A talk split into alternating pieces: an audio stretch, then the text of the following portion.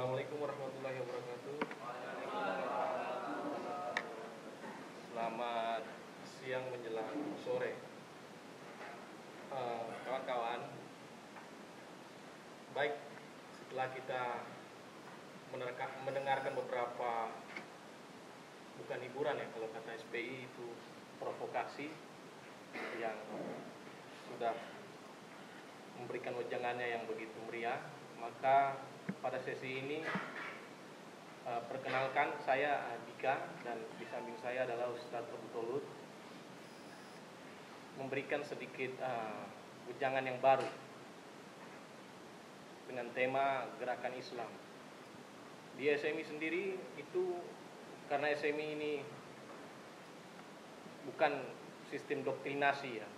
Kita eh, organisasi yang progresif yang tidak terpaku oleh satu poros gerakan. Wacana gerakan SM ini adalah wacana gerakan yang luas. Tidak bisa dia dikelompokkan menjadi apa di, di, di, di, dikategorisasi menjadi satu gerakan yang utuh, yang jelas gitu. Karena ketidakjelasan itulah yang membuat SMI sebenarnya unik dan kalau bahasanya Eric Wiener itu gagasan yang penuh kreativitas gitu. Semakin dia tidak jelas semakin itu semakin dia buram semakin itu merangsang keingintahuan masyarakat luas. Maka SMI sendiri kalau kita lihat sedikit-sedikit bicara kiri, sedikit-sedikit wah bicara gerakan Islam gitu, mengadvokasi pondok pesantren yang ada di Bogor yang terindikasi dalam dalam bahasa negara adalah uh, pondok radikal gitu. Tapi SMI berani untuk mengambil sikap mengadvokasi bersama Amnesty International. Nah, dalam perjalanan SMI Uh, menawarkan wahana yang begitu luas. Jadi kawan-kawan dalam uh, acara hari ini yang bertujuan dengan open recruitment, saya pikir teman-teman bisa membaca gitu SMI dan teman-teman bisa memposisikan diri teman-teman sendiri uh, tertarik dalam bidang apa. Nah SMI menawarkan itu, salah satunya gerakan Islam. Gerakan Islam di Indonesia itu adalah gerakan uh, politik yang signifikansi gerakannya merupakan optimisme yang belum tersemai dengan secara progresif. Seperti kita tahu bersama bahwa gerakan Islam yang nampak di permukaan adalah gerakan Islam populisme yang kemudian dikooptasi oleh uh, kepentingan oligarki. Ini adalah sebuah masalah. Uh, berkebalikan dengan gerakan kiri. Gerakan kiri di Indonesia itu berkali-kali dibantai dan hmm, apa ya tumbuh kembangnya mendapatkan resistensi represif dari negara. Kemati, kematian Aidit adalah kematian politik kiri kalau uh, hipotesanya uh, Peter Kasenda. Tidak ada politik kiri saat ini yang bisa berkembang, yang bisa menyemai, yang bisa merangkul, yang bisa hidup di permukaan uh, tata politik negara kita. Itu adalah sebuah realitas yang tidak bisa kita sangkal. Berkebalikan dengan gerakan Islam. Gerakan Islam diperhitungkan. Apalagi saat-saat ini ya, kita lihat hingar-bingar uh, uh, uh, politik elektoral yang digunakan oleh salah satu kubu uh, di, di, di kedua kubu maka gerakan Islam uh, perannya sangat penting. Nah Ustadz Abu Tolut uh, saya pikir tidak bisa diragukan lagi orang yang bukan cuma wacana tapi pelaku. Beliau petualangannya yang sudah sangat apa ya saya sebenarnya malu. Beliau militansinya sangat tinggi. Saya belum belum pernah mendapatkan militansi seorang uh, yang sudah tidak muda lagi menurut saya di di kalangan gerakan kiri seperti beliau, kecuali Susilo Tur yang jauh-jauh dari Blora ke sini menggunakan sepeda motor. Beliau dari Kudus ya. itu terbiasa keliling-keliling dari Kudus ke Surabaya itu naik motor militansi kaum muda ini saya belum bisa dapat nah pengalaman beliau di Afghanistan di di di, di Filipina eh, dan berbagai macam nanti bisa beliau uh, uh, beliau sampaikan ke hadapan teman-teman gerakan Islam itu sejauh mana signifikansinya di di di di, polit, di percaturan politik uh, Indonesia dan uh, seberapa peluangnya untuk bisa uh, tampil di kekuasaan bukan cuma se, uh, sebagai sponsor hura-hura tapi betul-betul uh, mendapatkan uh, porsi yang layak di di tata uh, kekuasaan. Saya pikir saya tidak banyak uh, uh, panjang lebar lagi saya menyerahkan langsung uh, dan menyediakan waktu kepada Ustaz Abu Tulut untuk menyampaikan uh, dengan makalahnya pondasi dan pilar pergerakan. Silakan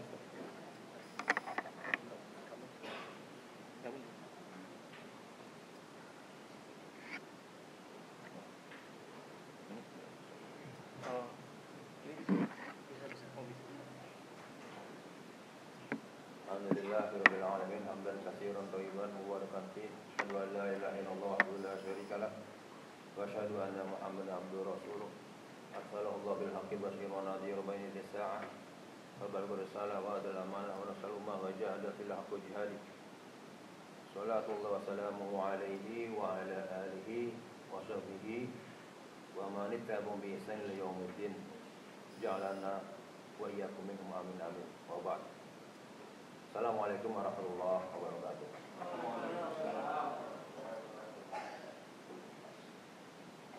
Pertama-tama izinkan saya untuk menyatakan kegembiraan saya, kebanggaan saya bertemu dengan Anda sekalian eh, kaum muda. Mungkin Anda umurnya sekitar mungkin semuanya mungkin kepala dua semua kan? Kan ada yang kepala tiga, kepala dua semua ya. Mungkin 20, 21 lebih lah. Artinya mengingatkan saya kepada zaman saya kuliah dulu. Saya kuliah di Fakultas Kedokteran Hewan Gajah Mada tahun 81 saya masuk. Kemudian ya ini sedikit perkenalan aja.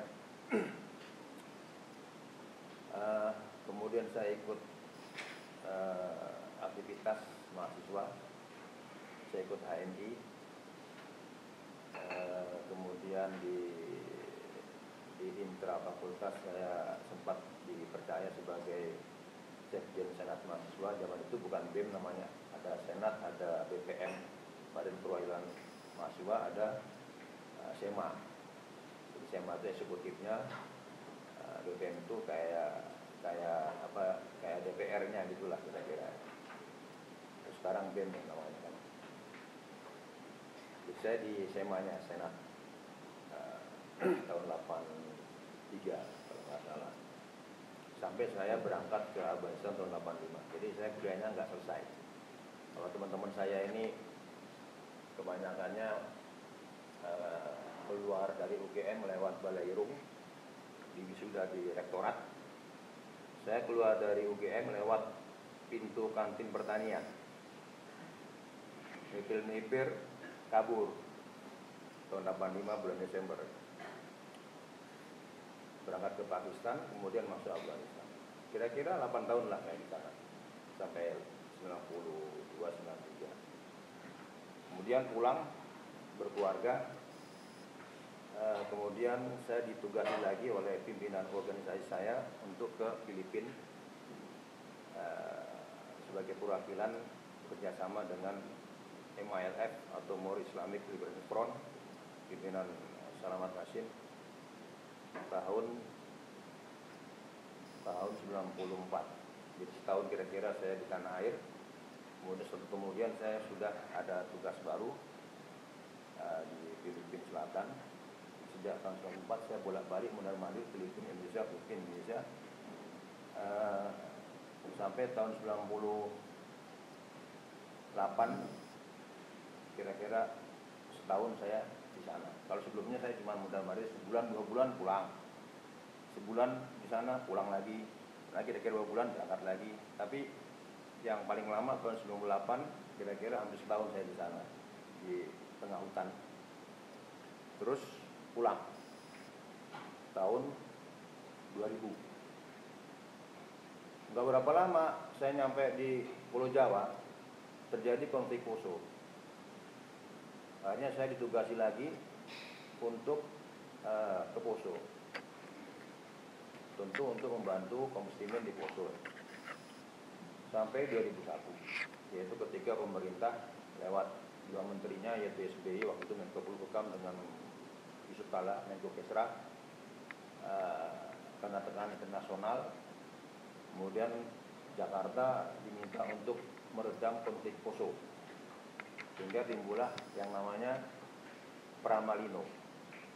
Pramalino itu adalah suatu pendekatan dari pemerintah kepada dua belah kubu yang konflik di Poso, tokoh-tokoh Islam dan tokoh-tokoh Nasrani. Nah, akan pertemuan terpisah, kemudian puncaknya pertemuan Malino, sehingga dihasilkan beberapa butir-butir kesepakatan. Maka setelah Malino saya balik ke Jawa, tidak ada urusannya lagi dengan Poso. Artinya sudah selesai urusan saya dengan Poso. Kemudian eh, terjadi bom Bali 1 tahun 2002. Kemudian pemerintah menemukan bahwa menurut mereka dalangnya adalah organisasi JI atau Jam Islamia. Maka pemerintah mencari jaringan JI ini. Termasuk akhirnya saya juga dicari karena Nah, nama saya ada dalam struktur kepengurusan JI sehingga saya uh, disekolahkan oleh pemerintah tahun 2003 sampai 2007 kemudian saya dari sekolah tersebut mendapat gelar LC LC bukan lesain Timur Tengah tapi lulusan Cipinang. Lalu dari Cipinang 2007 istirahat sebentar. 2008 akhir Ustadz Abu Bakar Basir ngajak saya gabung dengan organisasi yang baru yaitu JAT Jamaah Surut Tauhid. Kira-kira 3-4 bulan sesudah itu eh, seorang teman yaitu Abdul Matin almarhum eh, diminta oleh Ustaz Basir untuk menemui saya karena dia punya ide untuk uh, urusan uh, pelatihan militer di Jantung Aceh. Maka saya ke Aceh uh, tahun 2009. Setahun kemudian 2010 teman-teman yang bersama Abdul ini mengadakan pelatihan kemudian diupload di YouTube. Sehingga menjadi geger. Maka kemudian berbarengan dengan itu di Aceh ada serangan sporadis yang dilakukan oleh teman-teman orang Aceh sana tapi nggak ada kaitannya dengan dengan acaranya Abdul itu yaitu si Muhtar, si Rembo dan lainnya. Dia mengganggu, mengintimidasi, menteror LSM-LSM asing dari Jerman, dari mana-mana yang punya kantor di Aceh pasca tsunami sehingga ada laporan ke Mabes Polri sehingga kawan kemudian mengambil kesimpulan bahwasanya tidak ada yang nyerang orang asing kecuali teroris. Maka kemudian Tito waktu itu Kadensus diterjunkan ke Aceh untuk menyelidiki. Terjadilah sebuah gelas jatuh ke bawah.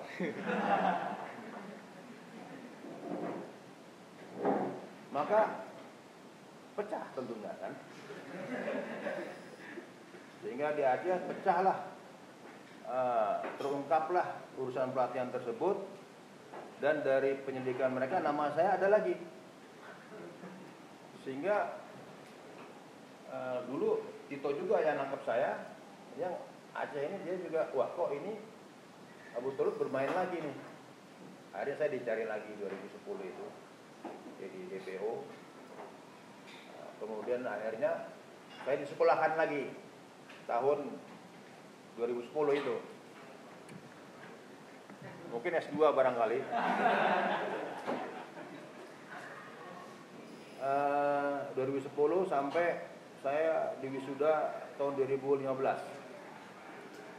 Saya diberi gelar-gelar kalau tadi gelar sipil LC atau S1-nya Timur Tengah itu. Yang kedua ini saya diberi gelar kepolisian, dikasih pangkat AKP. Tapi bukan ajun komisaris polisi, alumni Kedung Pane. LP Kedung Pane di Semarang itu. Jadi saya gelarnya ini AKP Abu Tolut LC. Kira-kira uh, begitulah ya secara garis besar uh, masa studi saya ini.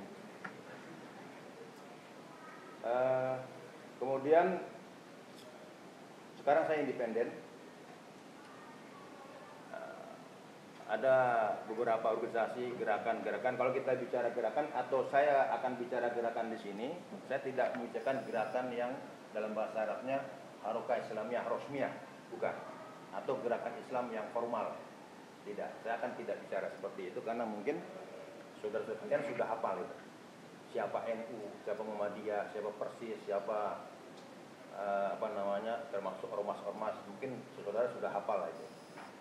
Tapi saya akan uh, memberikan sesuatu yang saya tidak aktif di organisasi resmi itu, tapi saya aktif di organisasi yang tidak resmi. Kalau istilahnya legal ilegal kan nggak sopan. Saya pakai istilah resmi nggak resmi aja lah, ya kan? Setuju kan? Ya. Kalau legal ilegal itu kan menurut rezim, legal atau ilegal. Bahasa rezim. Kalau bahasa saya resmi tidak resmi, formal non formal. Ya. Bahasa Arabnya juga begitu. Kalau Anda sekalian buka literatur-literatur yang ditulis oleh para tokoh-tokoh gerakan, terutama gerakan Islam, seperti para tokoh-tokoh eh, gerakan-gerakan apa namanya Al-Qaeda dan lainnya, mereka punya istilah seperti itu.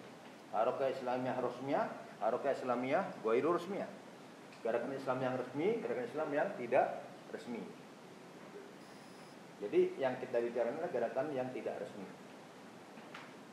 Suatu gerakan, apa pun juga gerakannya, apa pun gerakannya, mau Islam mau non Islam, agar supaya dia ini tetap langgeng, bisa bertahan di tengah badai tantangan dan e, rintangan, dia pasti harus memiliki tiranti atau perangkat-perangkat yang mau tidak mau harus dia miliki. Seberapa besar, seberapa jauh uh, kualitas dan kuantitas piranti ini, segitulah kira-kira umur gerakan tersebut. Jadi kalau dia kaya dengan piranti-piranti ini, maka dia akan lama umurnya. Mungkin akan akan mengecil sebentar, ya, istirahat sebentar, tapi nanti kemudian akan naik lagi. Kalau dia nggak memiliki ini, dia akan sebentar saja dia akan lebur, dia akan nanti begitu dia nanti uh, tokoh-tokohnya ditawari kursi oleh rejim yang selanjutnya, yang notabene secara filosofi dan sistemnya sama dengan rejim yang dia lawan dahulu, maka dia habis. Ya, habis. Banyak kita lihat misalnya tokoh-tokoh pergerakan yang dulunya anti Orde Baru. Dia sangat gigih untuk menyerang Orde Baru rejim Soeharto. Dengan cara-cara yang menurut versi masing-masing. Baik dengan cara-cara tadi itu, resmi maupun tidak resmi. Tapi banyak juga di antara mereka yang gugur dalam arti kata dalam arti kata setelah Soeharto jatuh, berganti rejim selanjutnya yang kita kenal dengan reformasi ini, dia mendapat kursi kekuasaan di situ, dia sudah cara berpikirnya, cara berpikir sebagaimana rezim, bukan sebagai tokoh pergerakan lagi. Jadi mengamini semua saja yang dihasilkan oleh rejim yang berkuasa. Mau benar, mau salah, mau apa, diamini semua, didukung semua. Dan itu memang begitu, namanya bagian dari rezim, Artinya dia sudah gugur dari perjalanannya yang sebelumnya. Kenapa? Karena pilihan peranti ini tadi. Kalau menurut saya seperti itu. Nah, nanti satu persatu insya Allah akan kita urai. Baik kalangan Islam maupun non Islam. Kalangan Islam, saya ambil contoh misalnya, ketika saya di Filipina, uh, saya bertemu dengan Haji Murad. Waktu itu Haji Murad adalah uh, vice chairman atau wakil ketua gerakan MLF di bidang militer atau bahasa lainnya panglima militernya BIAF Bangsa Moro Islamic Army Forces. Beliau bercerita kami dahulu memulai gerakan ini uh, berkolaborasi dengan pemerintah Malaysia. Karena Malaysia dengan Filipina konflik karena wilayah Sabah dan Kepulauan Sulu. Masing-masing pihak mengklaim itu wilayahnya. Sehingga konflik antar dua negara ini uh, memberikan angin segar bagi tokoh-tokoh oposisi Filipina terutama yang muslim ini untuk kolaborasi dengan pemerintah Malaysia. Hingga sekarang. Hingga sekarang Malaysia uh, menjalin hubungan kemitraan dengan gerakan-gerakan oposisi Filipina yang muslim setelah itu Pemerintah Malaysia memberikan wilayah Sabah untuk dijadikan latihan militer serta latihan-latihan yang lain. Uh, Haji Murad adalah termasuk angkatan pertama yaitu istilahnya first batch atau angkatan pertama. Beliau mengatakan dulu kami jumlahnya 300 orang pada waktu itu. Dan hari ini Hari itu maksudnya adalah tahun 99 eh, Itu ketika cerita sama saya Itu tiga orang itu itu ketika tahun 70 70-an lah 70 mungkin 74 75 tiga seorang pemuda-pemuda Moro itu direkrut dilatih. Ya mungkin seperti saudara sekalian ini ini barangkali pelatihan ini dulu, pelatihan teori atau gimana, saya nggak ngerti ini jenisnya ini apa nih. Nah ini mereka di Sabah sudah sudah melampaui jenis latihan yang berikutnya, ya, latihan sudah ada ada latihan kemiliteran di situ, karena sudah gerakan bersenjata. Eh, tahun 74 300 orang. Dan tahun 99 beliau mengatakan beliau angkat tangannya 10 tapi bilang nggak nyampe segini. Artinya di bawah 10 dari tiga seorang hanya di bawah 10 nah, sebagian ada yang meninggal ada segala macam. Dan banyak juga yang kemudian direkrut oleh pemerintah Filipina jadi wali kota, jadi gubernur, jadi anggota apa kalau di sini anggota DPRD lah begitu, senator, ada yang jadi pedagang uh, jualan di Malaysia, sudah nggak mau tahu lagi urusan kayak gitu, sudah putus asa karena tidak sampai kepada tujuan sementara hidupnya penuh dengan kesusahan terus. Walhasil begitulah perjalanan. Contoh, ya. yang gerakan non Islam juga begitu ada. Anda misalkan coba lihat bagaimana uh, perjuangan uh, IRA Irak di Irlandia. Mana sekarang? Habis. Ya. Itu gerakan Katolik melawan pemerintah Inggris yang notabene didominasi oleh Protestan. Habis, kira habis. Demikian juga gerakan-gerakan yang lain. Eh, seperti misalnya eh, yang sifatnya adalah sifatnya gerakan bersenjata, ya, sel-sel seperti Brigade Merah atau apa di Jerman atau di termasuk yang di Palestina.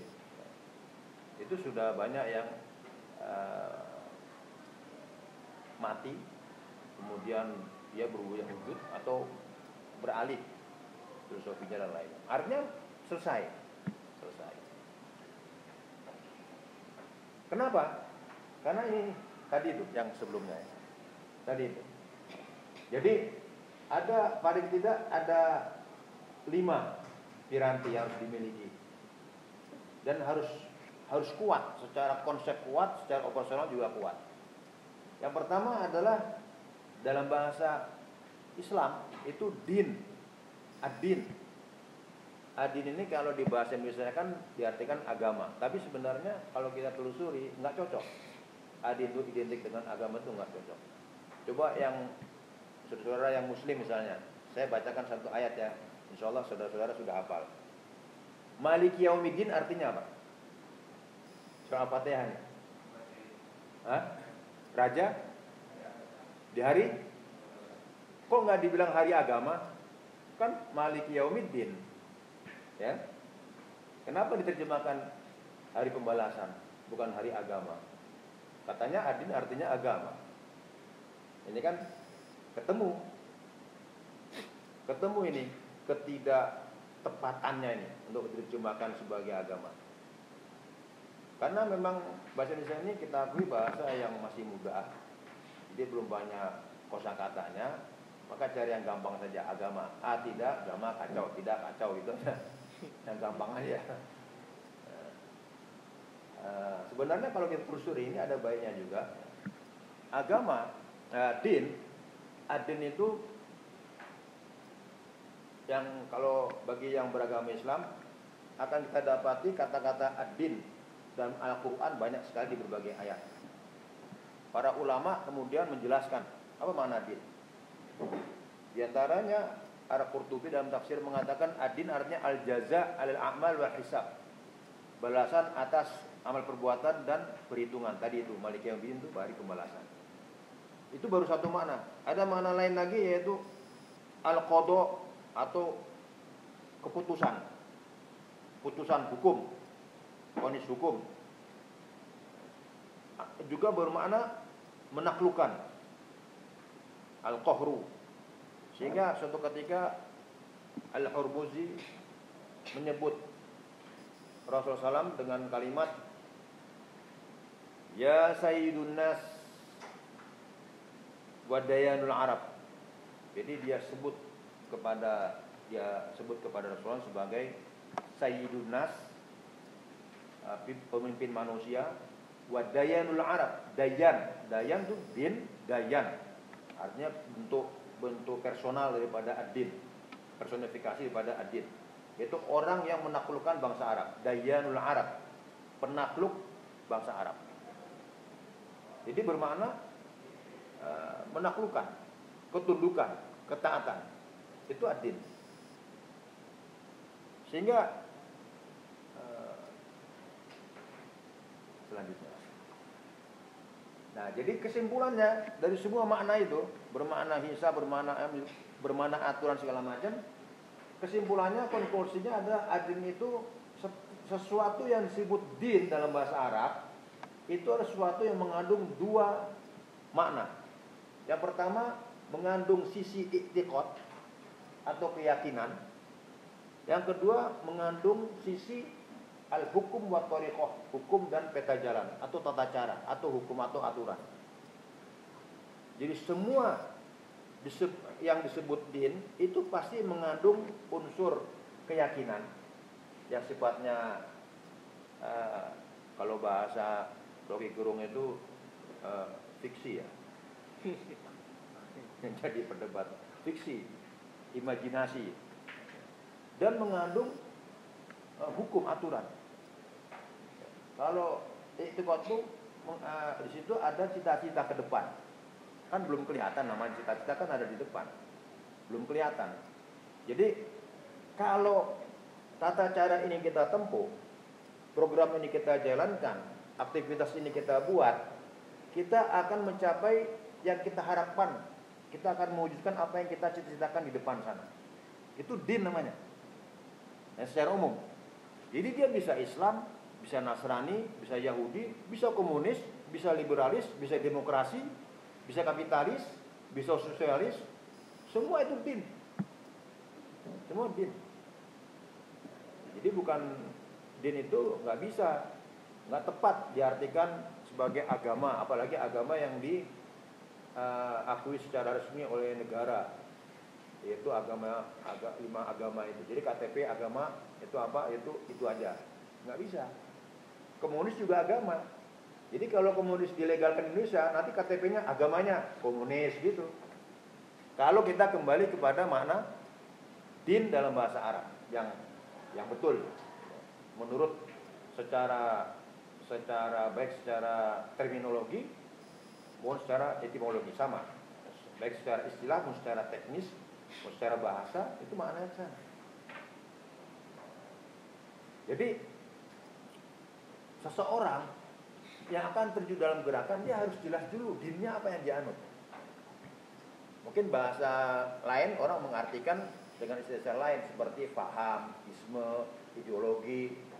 Tapi kalau kita telusuri, kita minta menerangkan apa yang Anda maksud dengan ideologi.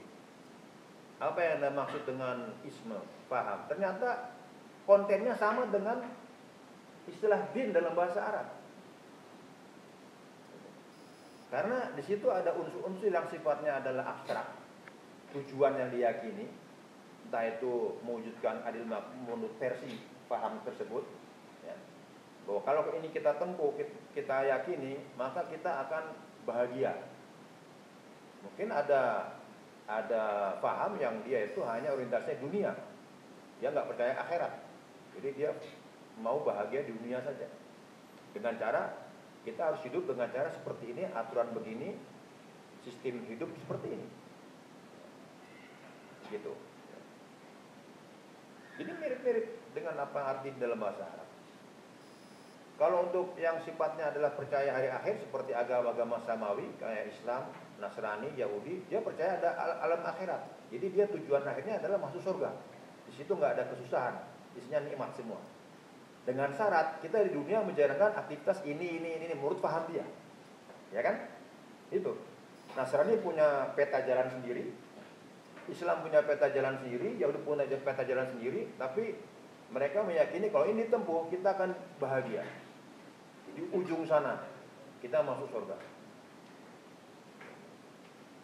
Kalau dia memiliki ini, maka dia akan kokoh dalam pergerakannya, baik sebagai muslim, sebagai Nasrani, sebagai Yahudi, sebagai apa, termasuk sebagai komunis, kapitalis, liberalis. Cuma bedanya mungkin komunis, liberalis, kapitalis segala macam itu adalah bukan agama samawi, yaitu paham-paham yang kita kenal. Dia tidak ada orientasi akhiratnya. Dia orientasi dunia saja. Jadi lebih pendek, eh, lebih pendek menghitung tujuannya daripada yang uh, samawi dari Dia hanya mengejar uh, kesempatan ketika hidup sekian tahun di dunia ini. Ini lebih lebih anu lagi, lebih lebih simpel lagi. Tapi kalau agama samawi itu akan lebih militan biasanya daripada yang uh, bukan agama samawi tadi. Tapi semuanya din, semuanya din. Jadi artinya seberapa jauh seseorang ini menganut dinnya, maka segitulah dia nanti akan survive dalam pergerakannya. Ini satu. Yang kedua, yang kedua adalah tadi personal atau orangnya. Setiap gerakan pasti ada yang bahkan semua komunitas manusia sebagai makhluk yang diciptakan Allah Taala itu punya tabiat atau punya punya fitrah makhluk sosial. Dia bukan makhluk yang penyendiri. Dulu ada cerita orang tua, ya istilahnya orang uh, dulu ikut gerakan NII, DI, DI, Kartosuwiryo. Tapi dia bukan angkatan Kartosuwiryo, angkatan sudahnya, termasuk angkatan yang akhir-akhir. Dia cerita begini, dia belum pernah masuk penjara, tapi dia zaman Soekarno, zaman Soeharto ikut gerakan Kartosuwiryo, NII, uh, zaman Soeharto juga pernah ikut pergerakan di Sumatera sana, mungkin saudara-saudara masih ingat di ada di sana ada gerakan-gerakan di Medan, kemudian habis itu lanjut dengan gerakan-gerakan yang namanya Komando Jihad. Barangkali masih ini uh, sampai ke Jogja sini gerakan Komando Jihad itu kan. Beliau ini cerita sama kita. Waktu itu saya umurnya ya masih seperti saudara-saudara ini. Dia bilang, itu kan dia di hutan lari sebagai DPO masuk hutan masuk hutan nggak lama sih sebenarnya eh, kira-kira cuman 9 tahun aja dalam hutan. Nah, kita tanya sebagai orang yang mau tahu kan, orang muda. Pak, Bapak itu 9 tahun di hutan itu eh, tentu banyak masalah Pak hidup di hutan sekian lama itu. Masalah makan enggak, enggak masalah. Saya bisa cari makan, cari apa. Banyak makanan di hutan. Tinggal kita ambil aja. Jadi apa masalahnya kalau di hutan Bang? Cuma satu nih yang saya stres dalam hutan itu. Nggak ada teman yang diajak ngobrol. Kiri kanan nggak ada orang, adanya binatang semua. Ada monyet, ada babi. Sehingga saya ngomongnya sama mereka. Ada monyet, baru bangun pagi-pagi ada monyet. Saya tegur, Assalamualaikum monyet-monyet, gimana kabarnya? Ada babi lewat, ada semut. Karena kalau saya nggak ngomong, saya mungkin mati. Nah itu fitur manusia namanya. Ya, fitur manusia. Manusia itu adalah makhluk madani, makhluk sosial. Dia nggak bisa hidup sendiri. Komunikasi ini konsumsi yang mungkin eh, tidak kalah dengan makanan bagi manusia. Coba aja, kalau saudara kalian nggak percaya, berlatihlah. Nggak usah lama-lama, tujuh hari nggak keluar-keluar, atau tujuh hari nggak usah ngomong, nggak usah ngubungin manusia yang lain. Terserah ke mana, yang penting jangan ketemu manusia. Tujuh hari aja, ya, pasti nggak tahan. Berat. Ya, berat apalagi kalau sudah ada manusia lain yang kita cintai kita sayangi. Satu orang tua satu saudara satu teman akrab terus kita tiba-tiba putus nggak komunikasi. Wah mesti terasa menderita. Itu itu manusia. Ketika manusia mau tidak mau harus punya komunitas harus berkumpul dia makhluk sosial maka mau tidak mau dia ada yang memimpin, ada yang dipimpin. Manusia apa saja? Ya. Manusia yang mempunyai paham atau menganut din apa saja. Fitrahnya pasti dia begitu. Dia perlu ada orang ada orang yang memimpin dia atau dia sendiri yang menjadi pemimpin. Ada yang dia pimpin. Kalau enggak kacau kehidupannya pasti. Dia ada memimpin, ada yang. Nah, tinggal persoalannya eh, sejauh mana kualitas yang mimpin, sejauh mana kualitas yang dipimpin dalam suatu gerakan ini. Itu tergantung dengan tadi karakter pemimpin yang baik dan karakter yang dipimpin yang baik itu menurut dinnya yang dia pahami, paham yang dia anut itu seperti apa. Ini harus connect, harus matching ini. Kalau nggak matching, tidak konsisten, pasti bubar. Ya. Jadi misalnya anda menganut din A misalnya, menganut paham A. Tapi ketika mengelola organisasi, Anda menganut paham B. Anda sebagai pemimpin menganut ciri-ciri leadership yang baik, mengambil paham B, bukan paham A yang Anda anut. Kemudian yang saudara pimpin juga begitu, ngambil sembarangan, comot sana, comot sini, comot sana, comot sini. Jadi pelangi isinya. Pasti gerakan Anda akan sebentar umurnya. Akan sebentar.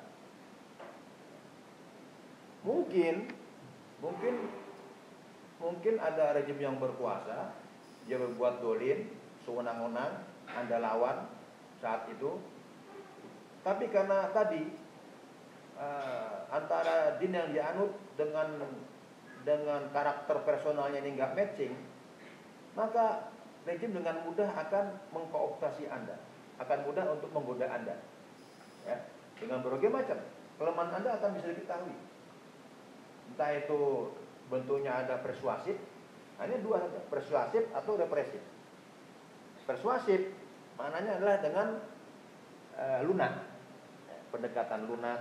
Saudara akan diundang makan di istana, ya, makan enak, habis demo demo menggebu-gebu semprot canon dan segala macam habis itu dielus-elus diundang di istana kasih makan yang saudara seumur hidup belum pernah makan.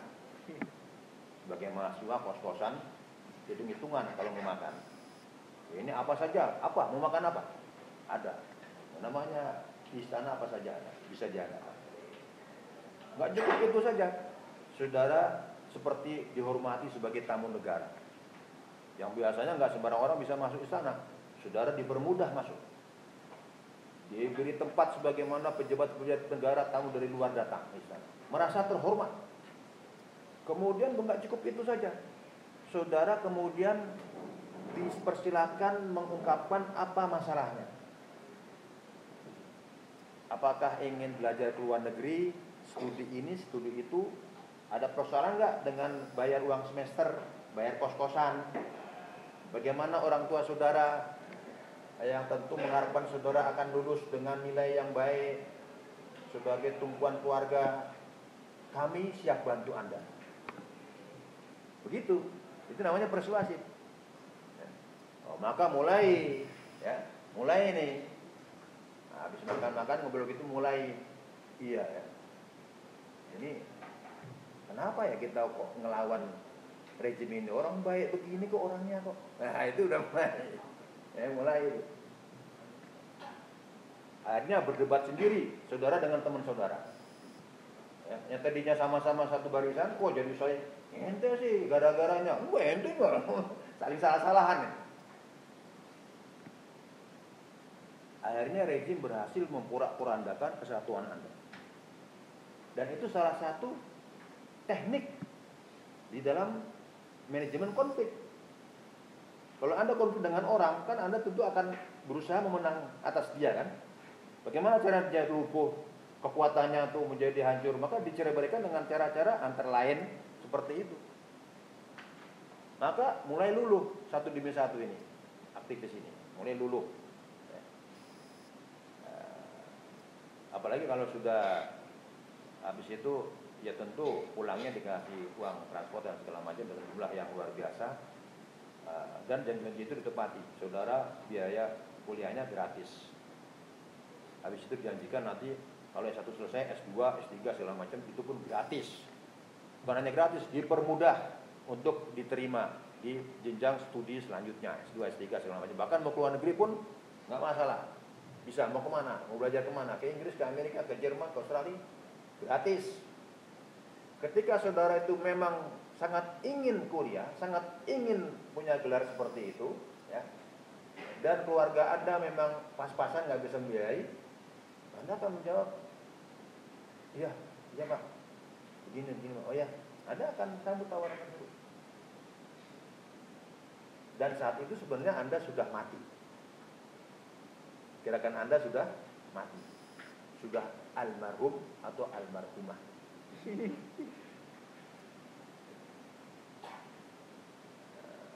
Nah, semakin lama ya udah udah nggak bisa lagi. Terus anda akan menjadi um, lulus kuliah segala macam ada kesempatan uh, apa namanya pembutuhan kabinet dan segala macam ataupun ada kesempatan eleksi menjadi wakil rakyat, saudara akan di backup uh, sehingga menjadi resmi pejabat negara, apakah itu legislatif, apa yudikatif atau eksekutif, ya sudah selesai si A si B tinggal tinggal yang lain-lainnya ini yang kurang ini. Berpengaruh itu ya personal. Berikutnya uh, nah ini uh, faktor yang membentuk kepribadian uh, personal. Yang mimpin pun yang dipimpin. Ini ajaran Islam. Tetapi logis, artinya selain Islam pun akan mengadopsi ini. Karena karena memang sesuai dengan logika. Ada tiga faktor yang membentuk kepribadian yang diharapkan menjadi kepribadian menjadi modal dalam suatu pergerakan. Yang pertama yaitu keamput. Tadi kita telah ketahui bahwa e, manusia itu makhluk sosial, dia nggak bisa hidup sendiri, mimpin atau dipimpin, maka bahkan lebih dari itu dia perlu dalam penghambaan. Tabu itu penghambaan, menghamba. Manusia itu pada dasarnya adalah hamba dari yang lain minimal hamba kepada dirinya sendiri, hawa nafsunya. Jadi eh, contohnya misalkan A dengan B. Si A ini dia lemah, dia perlu B, maka dia akan menghamba kepada B. Karena tadi manusia kalau nggak mimpin atau dipimpin, yang mimpin pun nggak bisa jadi pemimpin kecuali ada yang dia pimpin. Orang kaya tidak bisa disebut orang kaya kecuali dia punya harta. Hartanya itulah Tuhan dia. Dia menghamba kepada hartanya. Hakikatnya seperti itu. Jadi dia disebut kaya karena punya harta. Kalau harta udah nggak ada, dia tidak lagi disebut orang kaya. Maka dia berarti terikat kekayaannya itu kepada berapa harta yang dia miliki.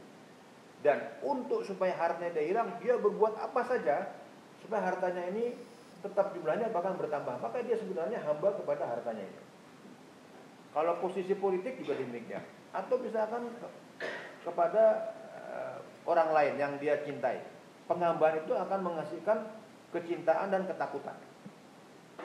Si A sangat cinta kepada si B, maka dia akan menghamba kepada si B.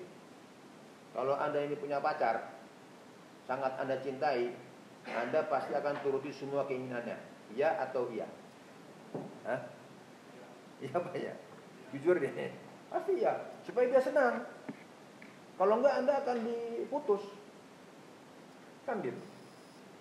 Maka bagaimana Anda ini supaya diridhoi oleh dia, sehingga oleh dia, maka keinginan dia akan Anda berusaha penuhi.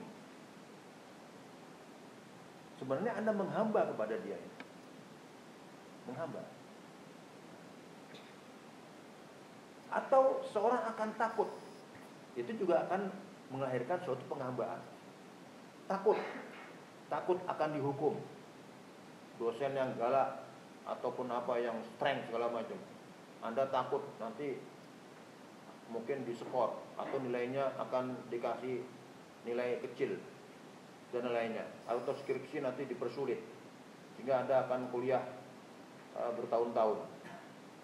Maka Anda akibatnya uh, Anda menunjukkan ketundukan, kepatuhan di hadapan dosen yang seperti ini ya kan? Itu konsekuensinya. Supaya dia jangan marah. Kalau dia marah, wah bahaya. Nah, sebenarnya Anda itu sudah menghamba kepada dosen itu. Dan lain-lainnya. Kita bisa analogikan dengan semua bentuk-bentuk interaksi sosial antara manusia dengan manusia yang lain. Jadi penghambaan itu mengandung cinta dan takut. Nah, persoalannya kepada siapa dia berikan? Kalau menurut menurut konsep Islam, seorang muslim dia memberikan takut mutlak, cinta mutlak kepada Allah Ta'ala. Sehingga dia tidak peduli. Dia tidak peduli apa pun resikonya, bahkan nyawanya dia nggak peduli. Kalau memang itu dia suatu keyakinan, dia nggak peduli apa pun juga resikonya. Karena dia sudah memberikan penghambaan kepada zat yang diyakini Allah Ta'ala yang bagi orang lain mungkin itu sesuatu yang aneh ya, karena tidak tidak sama daya lihatnya. Tapi yang lain pun seperti itu. Hitler dia sedemikian lupa diperhamba oleh para tentaranya ya, sehingga tentaranya mau mati demi dia. Dalam perang dunia kita tahu bahwa bagaimana sedadunya itu rela mati berbaring untuk menjadi pondasi dilewati oleh panzer-panzer Jerman. Karena sudah didoktrin oleh Hitler sehingga berani mengorbankan nyawanya. Dan semuanya begitu. Jadi bukan hanya Islam ini. Non Islam juga kalau sudah sampai seperti itu, tapi pasti ada yang dia jadikan hamba. Ta'abud namanya dalam bahasa Arab. Pasti itu. Ya. Akan timbul militansi, akan timbul survival Dalam arti kata dia akan kokoh menghadapi lawannya. Kabut. Yang kedua adalah ittiba. Itu gandengannya. Ketika dia sudah menghamba kepada sesuatu, maka dia perlu personifikasi dari bentuk penghambaan tersebut. Bagi orang Islam, personifikasi adalah nabinya, yaitu Rasulullah SAW. Maka Muslim yang taat dia akan melihat bagaimana Rasulullah itu hidup. Bagaimana Rasulullah sholat, bagaimana zakat, bagaimana sedekah, bagaimana berumah tangga, bagaimana mimpin ini itu urusan ini sebagai contoh atau suri toladan. Oh ternyata dalam masalah ini ini ini jika jika murni gerakan Islam ya. Kan sekarang ini banyak Islam tapi kan enggak. Jadi misalnya ada masalah ada masalah A, B, C, D politik, ekonomi selama ini bagaimana? Maka dia buka. Bagaimana ini? Dahulu zaman Nabi itu kira-kira ada masalah ini enggak? Paling tidak enggak sama persis tapi kira-kira ada enggak ininya panduan-panduan secara filosofinya dan lainnya. Maka itu dicontoh. Contoh e, solusi yang dicontohkan oleh Nabi itu diadopsi. Gitu. Di sini memang nanti penuh banyak e, perbedaan-perbedaan istiadat antara ulama, takwilan dan lain. Tapi yang jelas semua merujuk kepada bagaimana menurut pemahamannya Nabi di bagaimana dahulu. Itu dia contoh. Itu sebagai itibar. Mau nggak mau, karena dia nggak bisa berdiri sendiri. Dia nggak bisa berdiri sendiri.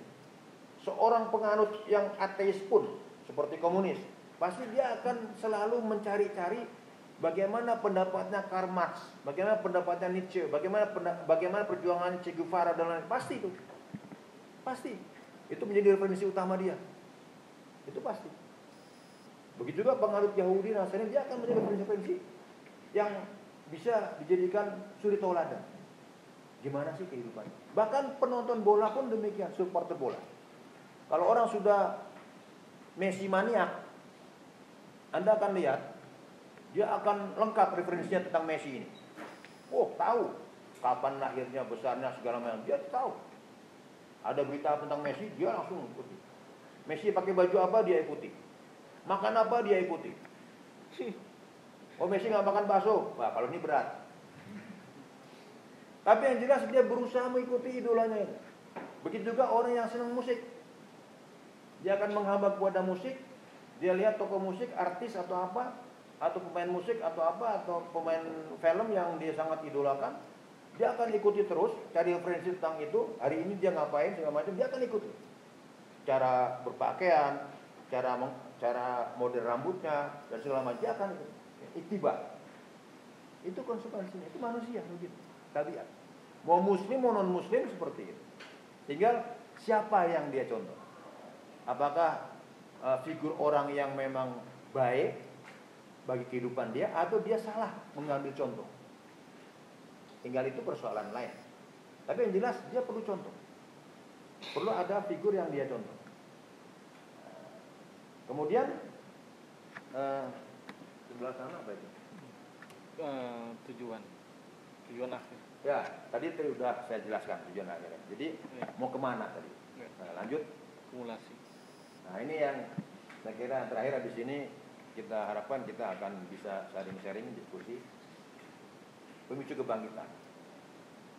Eh, bahasa Arabnya al-manafus Kalau saya terjemahkan secara harfiahnya manusauri itu adalah pemicu revolusi. Sauri itu revolusi. Hmm. Tapi revolusi ini kayaknya terlalu galak. Nanti dikiranya saya memprovokasi saudara untuk bikin revolusi ini bahaya, ya kan? Revolusi, revolusi. Yang paling aman sekarang ini revolusi mental aja lah.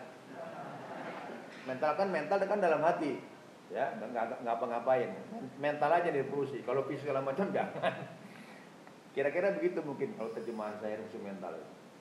Nah, jadi manusawari ini ada pemicu kebangkitan. Jadi ada suatu keadaan yang mau kita rubah. Ini keadaan yang kita tidak ridhoi karena tidak kita pandang tidak benar, mau kita rubah menjadi keadaan selanjutnya. Nah ini apa yang harus dilihat dua faktor utama, yaitu kita harus tahu kunci konflik dalam bahasa Arabnya tahu sirok, kunci konflik. Yang kedua kita harus tahu kita harus berbuat naduriyatul hasdi atau kombinasi aktivitas. Diawali dengan yang sebelah sana. Harus ada aktivitas, aktivitas yang dilakukan. Ya kalau kita memberi contoh kepada apa yang SMI lakukan, ini adalah aktivitas. Ya, di tempat ini dilakukan uh, suatu apa namanya forum pengenalan SMI dan segala macam kemudian juga e, nanti ada aktivitas lainnya, ada aktivitas kemisan dan lainnya. Itu semua akumulasi. Akumulasi ini. Nah, kemudian nggak cukup itu, harus ketemu adanya kunci konflik. Kalau umpamanya misalnya di ruangan ini adalah masa berkumpul. Di ruangan ini uh, publik dengan berbagai macam elemennya, masyarakat lah, rakyat lah. Tapi terkunci, terkunci, pintunya terkunci. Saudara ingin pindahkan masyarakat yang ngumpul banyak di ruangan ini ke ruangan yang lain, yang saudara kehendaki. Saudara harus bisa buka pintunya itu. Pintu itu terkunci, jadi harus ada kuncinya. Dan orang-orang ini mau keluar, tapi nggak bisa buka pintu. Begitu Anda yang bisa temukan kuncinya Anda buka pintu, mereka keluar semua. Kayak orang misalnya ada tuh di Amerika swalayan yang apa jualan suatu item yang sangat murah. Ya, suatu hari itu pernah ada berita seperti itu. Jadi belum buka tokonya orang sudah antri panjang sekali. Begitu dibuka sama penjaga toko, berlarian masuk semuanya. Ah, itu kira-kira kunci konflik. Di Indonesia ini pernah beberapa orang berhasil buka kunci konflik. Di antaranya peristiwa reformasi itu kunci konflik juga. Ah, tokoh-tokoh yang berhasil uh, melahirkan aksi-aksi yang disebut melahirkan reformasi itu menggunakan orde baru, itu dia berhasil memegang kunci konflik. Tetapi reformasi waktu itu tidak sama ya dengan revolusi. Karena itu perubahannya sebagian saja ya kan? Sebagian saja itu. Tidak seperti misalkan revolusi Perancis atau apa atau kejadian di seperti di Afghanistan di Kali di Suriah dan lain enggak seperti itu itu pun kita tahu bahwa uh, hanya sebagian elemen masyarakat khususnya para intelektual uh, mahasiswa maupun para para intelektual yang lain dan di kota-kota besar. Di kampung-kampung stabil aja. Masyarakat biasa, aktivitas normal. Bahkan di luar Jawa pun nggak seperti di Jawa, terutama nggak seperti di Jakarta. Zaman itu kan 98. Jadi itu baru apa kunci mungkin kunci kecil lah gitu. Kunci kecil bukan kunci yang buka pintu gerbang. Ini kalau pintu gerbangnya dibuka berarti mana Indonesia total berubah. Dan uh, terjadilah perubahan sistem. Mestinya begitu. Tapi reformasi tadi kan saya lihat nggak ada perubahan sistem yang ini yang bisa diperhitungkan. Apalagi pejabat-pejabat dulu orang-orangnya pejabat-pejabat itu dulunya dia di Orde Baru jadi pejabat, di reformasi jadi pejabat lagi. Sampai sekarang. Ya kan? Sampai sekarang. Dan cara berpikirnya, cara berpikir Orde Baru nggak sama, eh nggak nggak beda. Coba anda ikut ini, anda harus punya harus punya apa namanya database. Siapa sekarang ini tokoh-tokoh kunci uh, uh, pemerintahan ini? Bapak A, B, C, D. Lihat latar belakang mereka semua. Dulunya mengabdi di Orde Baru semua. Kemudian uh, diformasi jadi pejabat lagi. Kan aneh. Jadi yang dibuka kuncinya ketika informasi kunci apa? Jadi jangan heran kalau sekarang ini kondisinya ya seperti ini, nanggung. Ya, nanggung. Dan tidak heran kalau masih ada yang berusaha berjuang terus karena memang belum tercapai masalahnya. Lanjut. Nah ini strategi irisan kepentingan. Dalam bahasa Arabnya al-qasim mustarok. Jadi di dalam pergerakan itu kita nggak bisa tadi dasarnya manusia makhluk sosial dia nggak bisa sendiri bahkan komunitas satu komunitas pun tidak bisa berdiri sendiri. Jadi dia harus ada semacam kalau dalam bahasa matematika seperti ini himpunan A, himpunan B, C, D ada irisan-irisan yang mau nggak mau harus ditempuh. Rasulullah SAW di Madinah basisnya.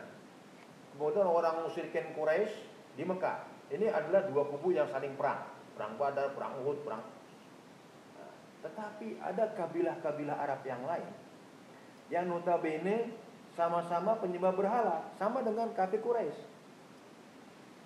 Yaitu Bani Bakar, Bani Khuza'ah. Ini kabilah yang di luar Madinah, di luar Mekah ini. Tapi mereka konflik juga antar kabilah, cuma masalah lain. Sama-sama menganut uh, pagan.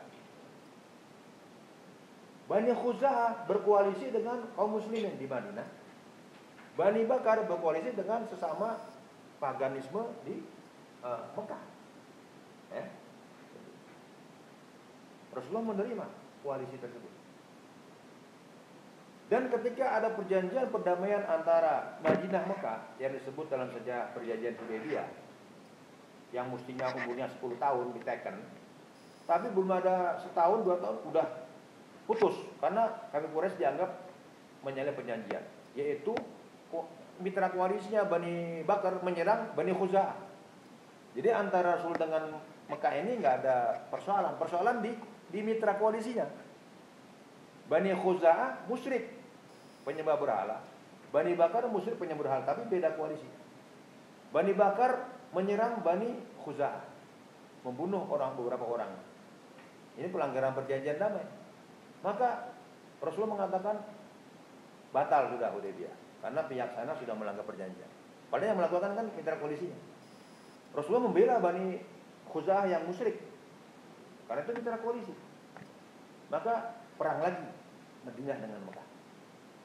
Nah ini ya, himpunan namanya. Karena memang harus begitu. Kemudian ketika Romawi dengan Parsi berperang, kaum muslimin zaman itu sangat senang bila Romawinya yang menang. Karena ada kedekatan-kedekatan. Ya, sebagai sesama agama Samawi. Parsi itu penyembah api, majusi. Jadi lebih bagus Romawi yang menang daripada Parsi yang menang bagi kepentingan kaum muslimin zaman itu. Sehingga mereka sangat berharap korban Romawi menang. Dalam surat Ar-Rum, eh, Anda bisa buka itu. Ya. Bagaimana kaum muslimin bergembira dengan kemenangan Romawi atas Parsi. Ini kan musuh buyutan ya. Romawi dengan Parsi. Ya. Itu contohnya. Bahkan zaman sekarang pun eh, sebagai contoh, ketika kita di Afghanistan, waktu itu berhadapan dengan uh, Uni Soviet karena jim bonekanya, jim Kabul. Kita tahu zaman itu ada kubu Fakta Warsawa, kubu NATO atau atau apa namanya perang dingin di antara dua kekuatan tersebut. Uni Soviet satu sisi dengan kubu Amerika sisi yang lain. Amerika tidak ingin Uni Soviet itu menaklukkan Afghanistan dengan mudah, yang akibatnya nanti dia bisa menguasai uh, laut hangat ya, Samudra India. Ini mengancam kepentingan Amerika yang menguasai ladang-ladang minyak di Teluk uh, Arab atau Teluk Parsi sana. Kalau naik pesawat cuma dua jam aja naik pesawat, pesawat tempur. Bahaya sekali. Maka bagaimana caranya? Amerika tidak ingin Uni Soviet itu menguasai Afghanistan. Kalau kuasai nanti bisa dia bisa mengganggu kepentingan Amerika di Timur Tengah. Maka di backup lah perjuangan yang yang penting jangan sampai Uni Soviet menang gitu. Maka uh, kaum muslimin itu mujahidin pada waktu itu yang berjihad melawan uh, Uni Soviet di backup oleh Amerika.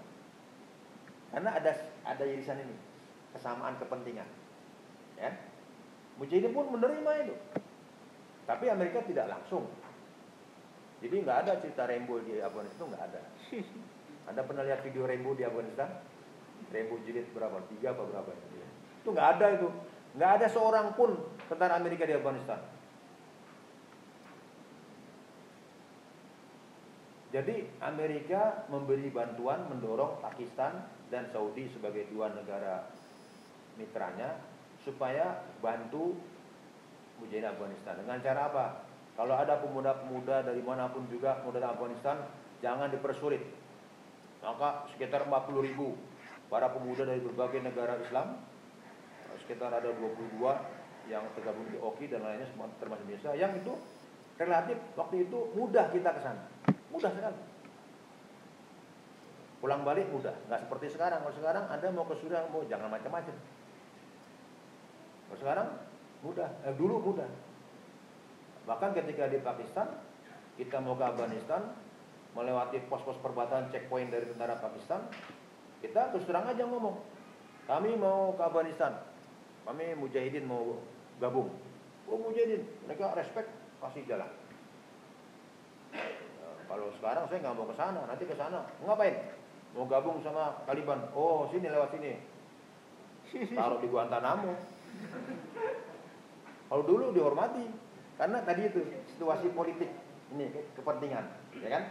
Sekarang kan boleh katakan Soviet ambruk, tinggal negara kecil Rusia, boleh katakan nih Amerika semuanya berpengaruh, polisi dunia. Dulu Ustaz Abu Bakar Basir dan Ustaz Sungkar ketika konflik dengan Soeharto, Australia menawarkan suaka. Australia, silakan hidup di sini, kami lindungi. Seperti toko OPM yang dilindungi di Australia. Tapi sekarang nggak ada lagi kayak gitu. Azhari Nurdin mau lari ke sana kemari nggak bisa. Karena kalau lari ke, ke Australia, Australia ditangkap diserahkan ke Indonesia. Artinya situasi politik berubah. Ya. Tata politik dunia ini berubah.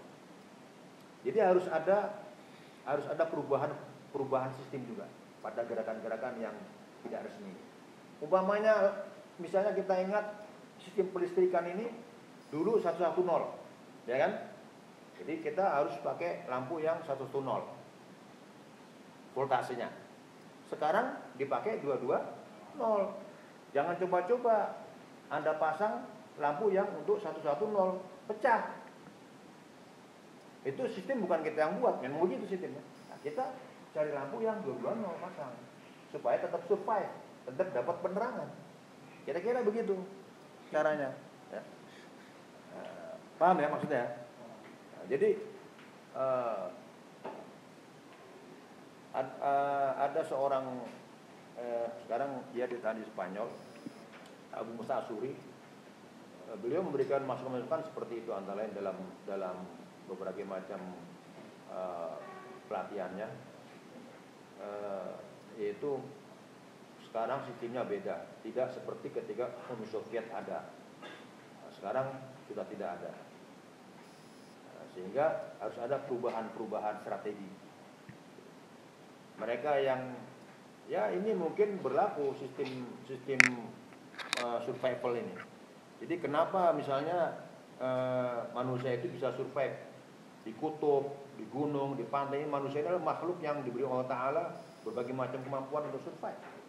Karena pandai mengadaptasi dengan berbagai macam iklim dan cuaca.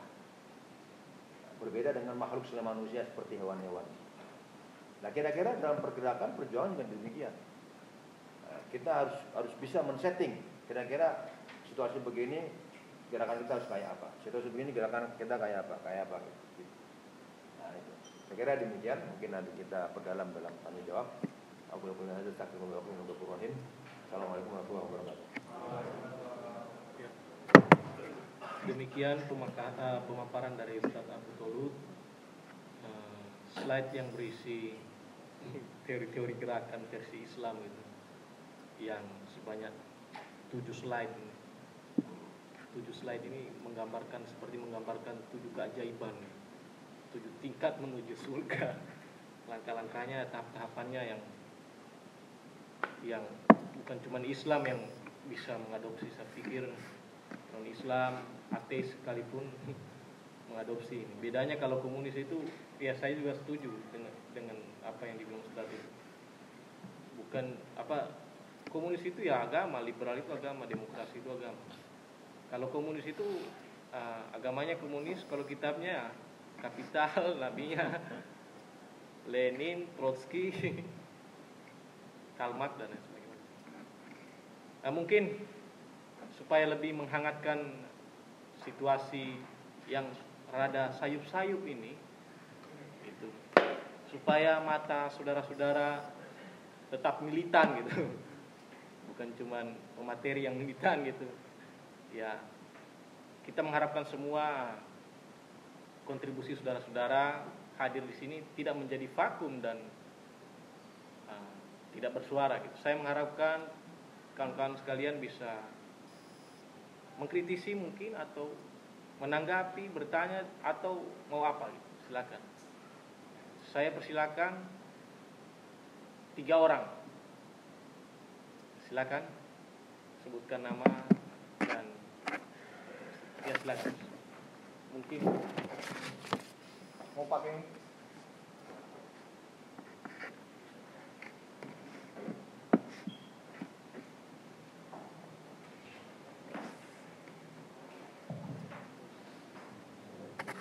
Assalamualaikum warahmatullahi wabarakatuh. Eh, perkenalkan nama saya Jati, saya dari UGM. Eh, mau tanya kepada Ustaz, eh, di dalam pergaulan kesehari-hari, keseharian itu ada saya pernah mendengar istilahnya candaan untuk para jihadis yang kemudian pergi latihan di Afghanistan mereka mengatakan katanya dua orang Indonesia yang dilatih di sana mohon maaf uh, bodoh-bodoh jadi istilahnya kan mereka pakai bahasa Arab gitu kan Uh, jadi uh, yang sampai di telinga saya itu dilatih suruh tiarap malah mati di jalan dilatih suruh berlari malah tiarap seperti itu kemudian uh, saya juga dengar adanya jaringan ISIS juga sebenarnya sudah istilahnya dulu pernah membuka eh, cabang gitu di Indonesia. Saya nggak tahu nama ada namanya saya lupa. Tapi karena uangnya itu dikorupsi oleh jihadis yang mengelola cabang Indonesia ini, akhirnya cabang isi di Indonesia ditiadakan dan pindah di Filipina. Nah itu rumor-rumor yang sampai di telinga saya. Makanya saya ingin bertanya mungkin kepada Ustaz, seandainya Ustaz tahu jawabannya atau pernah dengar juga, apakah itu benar? Kemudian uh, boleh lebih dari satu? boleh Ya, kemudian yang kedua mengenai soal tadi uh, uh, uh, matinya suatu sebuah pergerakan tuh karena personal gitu. Bahwa tadi Ustaz menceritakan personal pemimpin itu diiming-imingi diberikan jabatan dibuat lalai dengan idealismenya awal. Nah pertanyaan saya apakah itu juga yang dilakukan pemerintah Indonesia saat ini untuk mem, meng, apa itu, membungkam pergerakan Islam di Indonesia dan jika melihat uh, uh, uh, apa ya istilahnya, banyaknya dalam tanda kutip ya terduga atau uh, uh, teroris itu yang kambuhan istilahnya yang udah di uh, sidang di penjara kemudian keluar terus uh, jadi teroris lagi begitu nah apakah memang program deradikalisasi itu memang tidak ada atau tidak efektif atau bagaimana gitu. atau sebenarnya memang uh, uh, uh, Indonesia pemerintah memberikan panggung dan memanfaatkan umat Islam sebagai uh, ajang politik identitas mata gitu. jadi seperti itulah pertanyaan saya mengenai deradikalisasi dan keseriusan pemerintah Indonesia ini posisinya itu bagaimana menghadapi uh, uh, gerakan Islam uh, tidak resmi ini. Kemudian yang terakhir, mohon maaf kalau ini mungkin lebih ke personal, saya mohon maaf. Uh, jadi saya pernah uh, mendengar cerita dia korban konflik Ambon uh, Islam melawan Nasrani pada saat itu. Uh, uh, uh, dia seorang Nasrani kemudian uh, dia melihat dengan mata kepalanya sendiri bahwa orang tuanya dibunuh di depan matanya. Eh ya dibunuh di depannya uh, tapi dia berhasil selamat uh, dan kemudian uh, sekarang sudah di Jawa dan belum pernah balik ke Ambon lagi. Uh, dan dari cerita itu dia sangat emosional bahkan sampai masih bisa masih menang sampai menangis gitu saking emosionalnya. Dan jujur dia sampai sekarang belum bisa memaafkan umat muslim gitu. Uh, dia perempuan. Nah uh, uh, uh, dan saya juga dengar uh, ada laki-laki maksudnya pemuda laki-laki yang dulu pernah ikut perang juga pas ditanya dulu pernah membunuh orang dia dengan cukup bangga pernah membunuh dan sama sekali tidak merasa bersalah.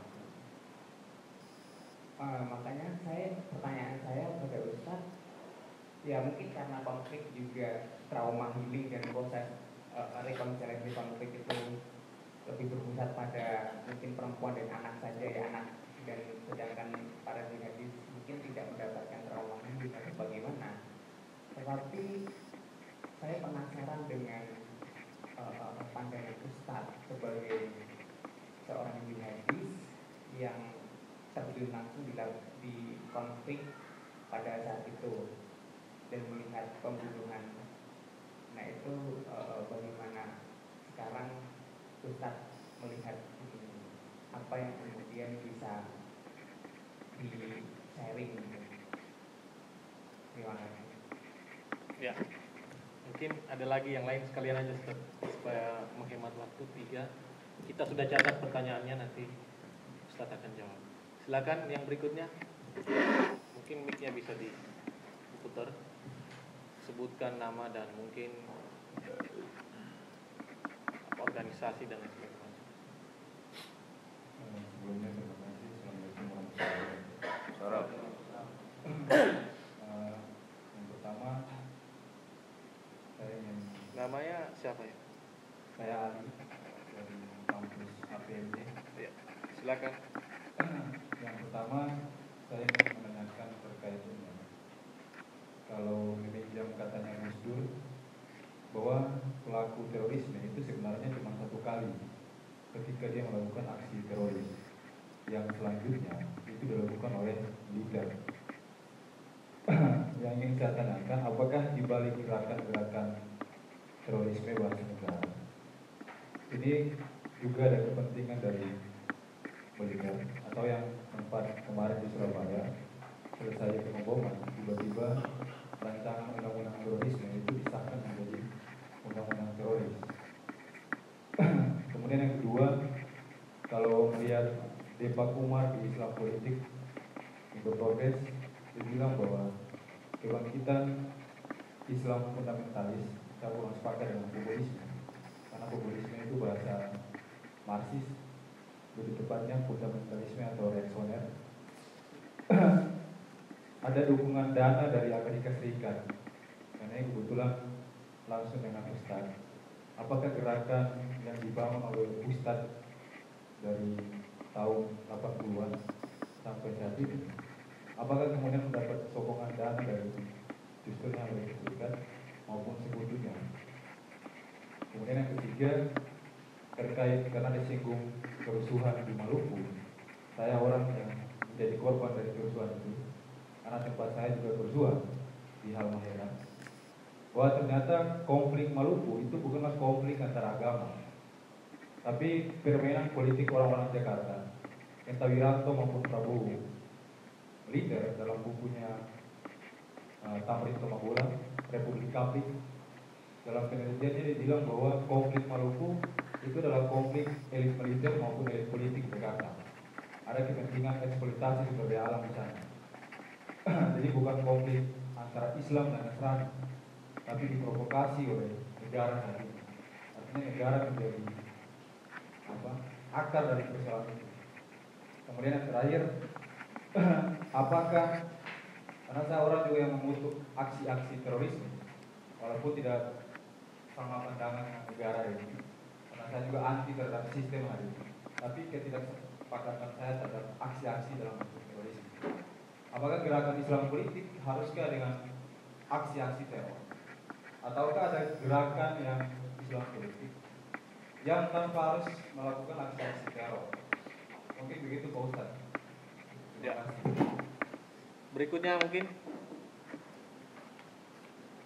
satu lagi. Ya, di belakangnya. Sebutkan nama dan asal institusi.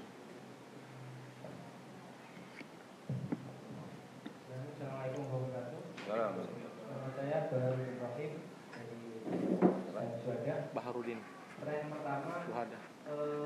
Saya ingin mendengarkan statement dari Ustaz.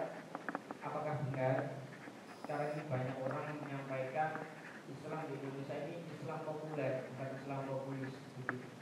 Karena banyak ditemukan di daerah Indonesia khususnya simbol-simbol Islam tapi tidak mengimplementasikan nilai-nilai kedua, uh, ini ada kaitannya dengan pertanyaan kawan-kawan yang lainnya terkait gerakan-gerakan semua itu. Tapi pertanyaannya, apakah memang benar adanya proxy war di dalam Indonesia khususnya, terlebih terkait tentang ini apa gerakan-gerakan yang saling sini dan seterusnya mungkin lintas negara juga apakah ini benar-benar ada proxy war dan ketika ini benar-benar ada petahnya itu seperti apa karena uh, yang disampaikan tadi oleh Ustaz terakhir tadi terkait dengan strategi irisan kepentingan kalau kita melihat fenomena dunia sekarang mungkin nampaknya aneh ya. Negara ini punya ideologi seperti ini tapi kok kerjasama dengan negara ini dan dan ini. Artinya e, kita ingin mengetahui khususnya saya pribadi sebenarnya kepentingan apa yang dibawa ini? Itu aja terima kasih. Assalamualaikum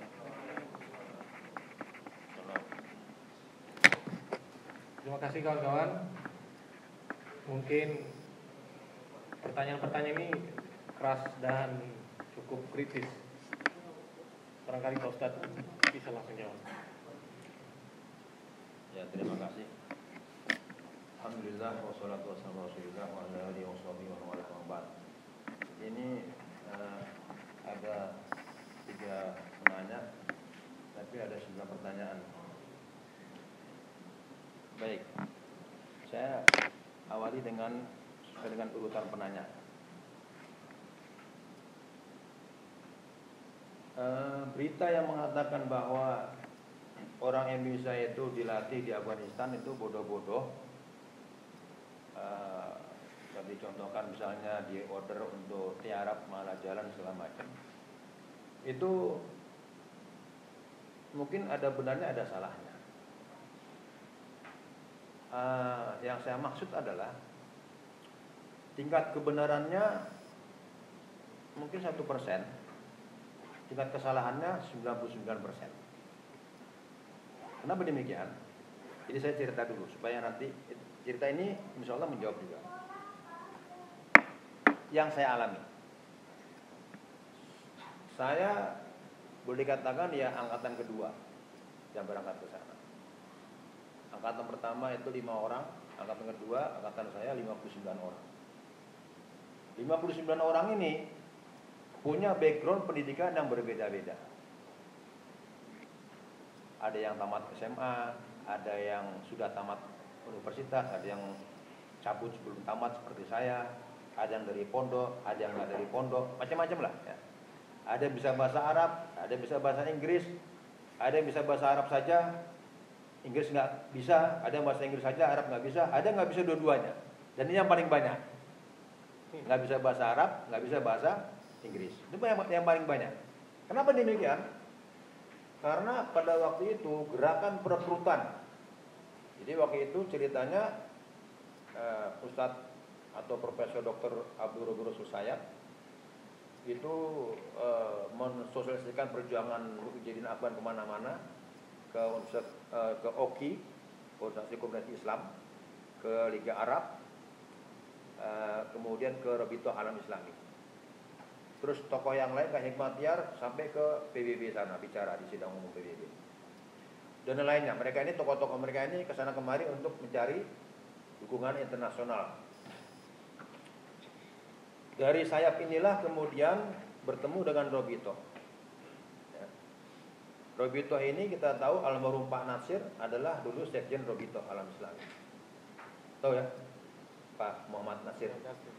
Dulu zaman Bung Karno pernah jadi Perdana Menteri Kabinet Burhanuddin Harahap eh, eh sudahnya kalau nggak salah atau sebelumnya. Kemudian terakhir beliau ngurus dakwah saja Dewan dakwah yang kantor di Keramat kemudian Ustadz Dullah Sungkar almarhum adalah Ketua Dewan Dakwah Surakarta. Ya. jadi Pak Nasir Ketua Dewan Dakwah Nasional mantan Sekin Rogito banyak kenal orang-orang di Timur Tengah sana uh, Ustaz Abdullah Sungkar, pengasuh Undang Murki adalah ketua Dewan Dakwah di Surakarta. Artinya beliau berdua ini adalah uh, kenal akrab satu organisasi dan sebagainya. Maka tawaran dari Afghanistan mempersilahkan pemuda-pemuda muslim ke Afghanistan uh, untuk mengetahui atau apalah silakan kami terbuka kami akan seperti itu kira-kira disambut oleh Robito kemudian direspon oleh Pak Nasir Pak Nasir gak punya orang. Dan tidak ada orang yang mampu mengirim kadernya ke sana. Kalau tuh ada kader tidak mau ngirim. Terutama yang gerakan organisasi yang resmi. Nggak mau dia ngirim kadernya ke daerah perang kayak Afghanistan. Sana mau mati ya pak kira-kira begitu. Kalau dikirim belajar ke Universitas Madinah Al Azhar mau. Tapi kalau dikirim mana kader kamu Muhammadiyah kader kamu persis NU ayo ini ke Afghanistan. Ngapain perang? Hah? ogah. Nggak ada yang mau. Maka yang menyambut kadernya Ustadzullah Sungkar ini. Kader underground ini. Ya. Kayak saya saya ini kan kader. Jadi artinya yang tidak resmi. Maka tetapi uh, pergerakan underground ini pergerakan yang berbeda dengan uh, pergerakan yang resmi. Karena perebutannya itu ya semua lapisan masyarakat. Ada petani ada nelayan ada mahasiswa ada macam-macam. Ketika ada tawaran keberangkatan ke sana maka yang menyambut yang siap saja. Siap mental siap fisik. Untuk meninggalkan tanah air berangkat ke sana kapan pulangnya nggak tahu. Bahkan ke sananya tuh ke mana saya sendiri nggak tahu mau nggak belajar ke luar negeri? Mau saya bilang.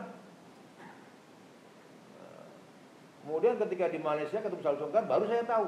Kamu ke Afghanistan. Mau nggak? Kalau nggak mau pulang balik ke Indonesia. Kalau mau lanjut berangkat. Kita urusin semuanya. Jadi nggak ada misalnya persiapan-persiapan kayak jenjang pergaderan yang baik. Misalnya eh, syaratnya orangnya harus bisa bahasa Arab bahasa Inggris dites eh, kemudian lulus masuk ya. Kemudian berjenjang di tes fisik di tes itu tes ini tes ini tes ini baru berangkat. Nggak begitu.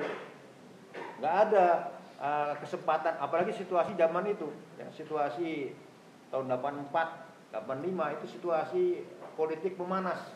Pasca disahkannya undang-undang keormasan. Sehingga itu masalah aja tunggal ya. nggak mungkin bahkan Ustadz Tunggal dengan beberapa uh, ini jaringannya itu terpaksa lari ke Malaysia menghindari penangkapan dari Orde Baru jadi gimana caranya untuk membuat memilih menyeleksi kader yang uh, sesuai nggak bisa ya. sehingga berangkat aja nih Mau yang bisa bahasa Inggris, mau yang enggak segala macam berangkat. Wah berangkat berangkat. Nah, sampai di sana bahasanya bahasa Inggris atau bahasa Arab karena instrukturnya orang sana, gurunya orang sana. Bahasa komunikasinya di kelas di lapangan tuh kalau nggak bahasa Inggris pakai bahasa Arab. Ya tergantung siapa yang paham kan gitu. Jadi kalau ada satu dua orang yang salah paham, wajar, nggak ngerti bahasanya.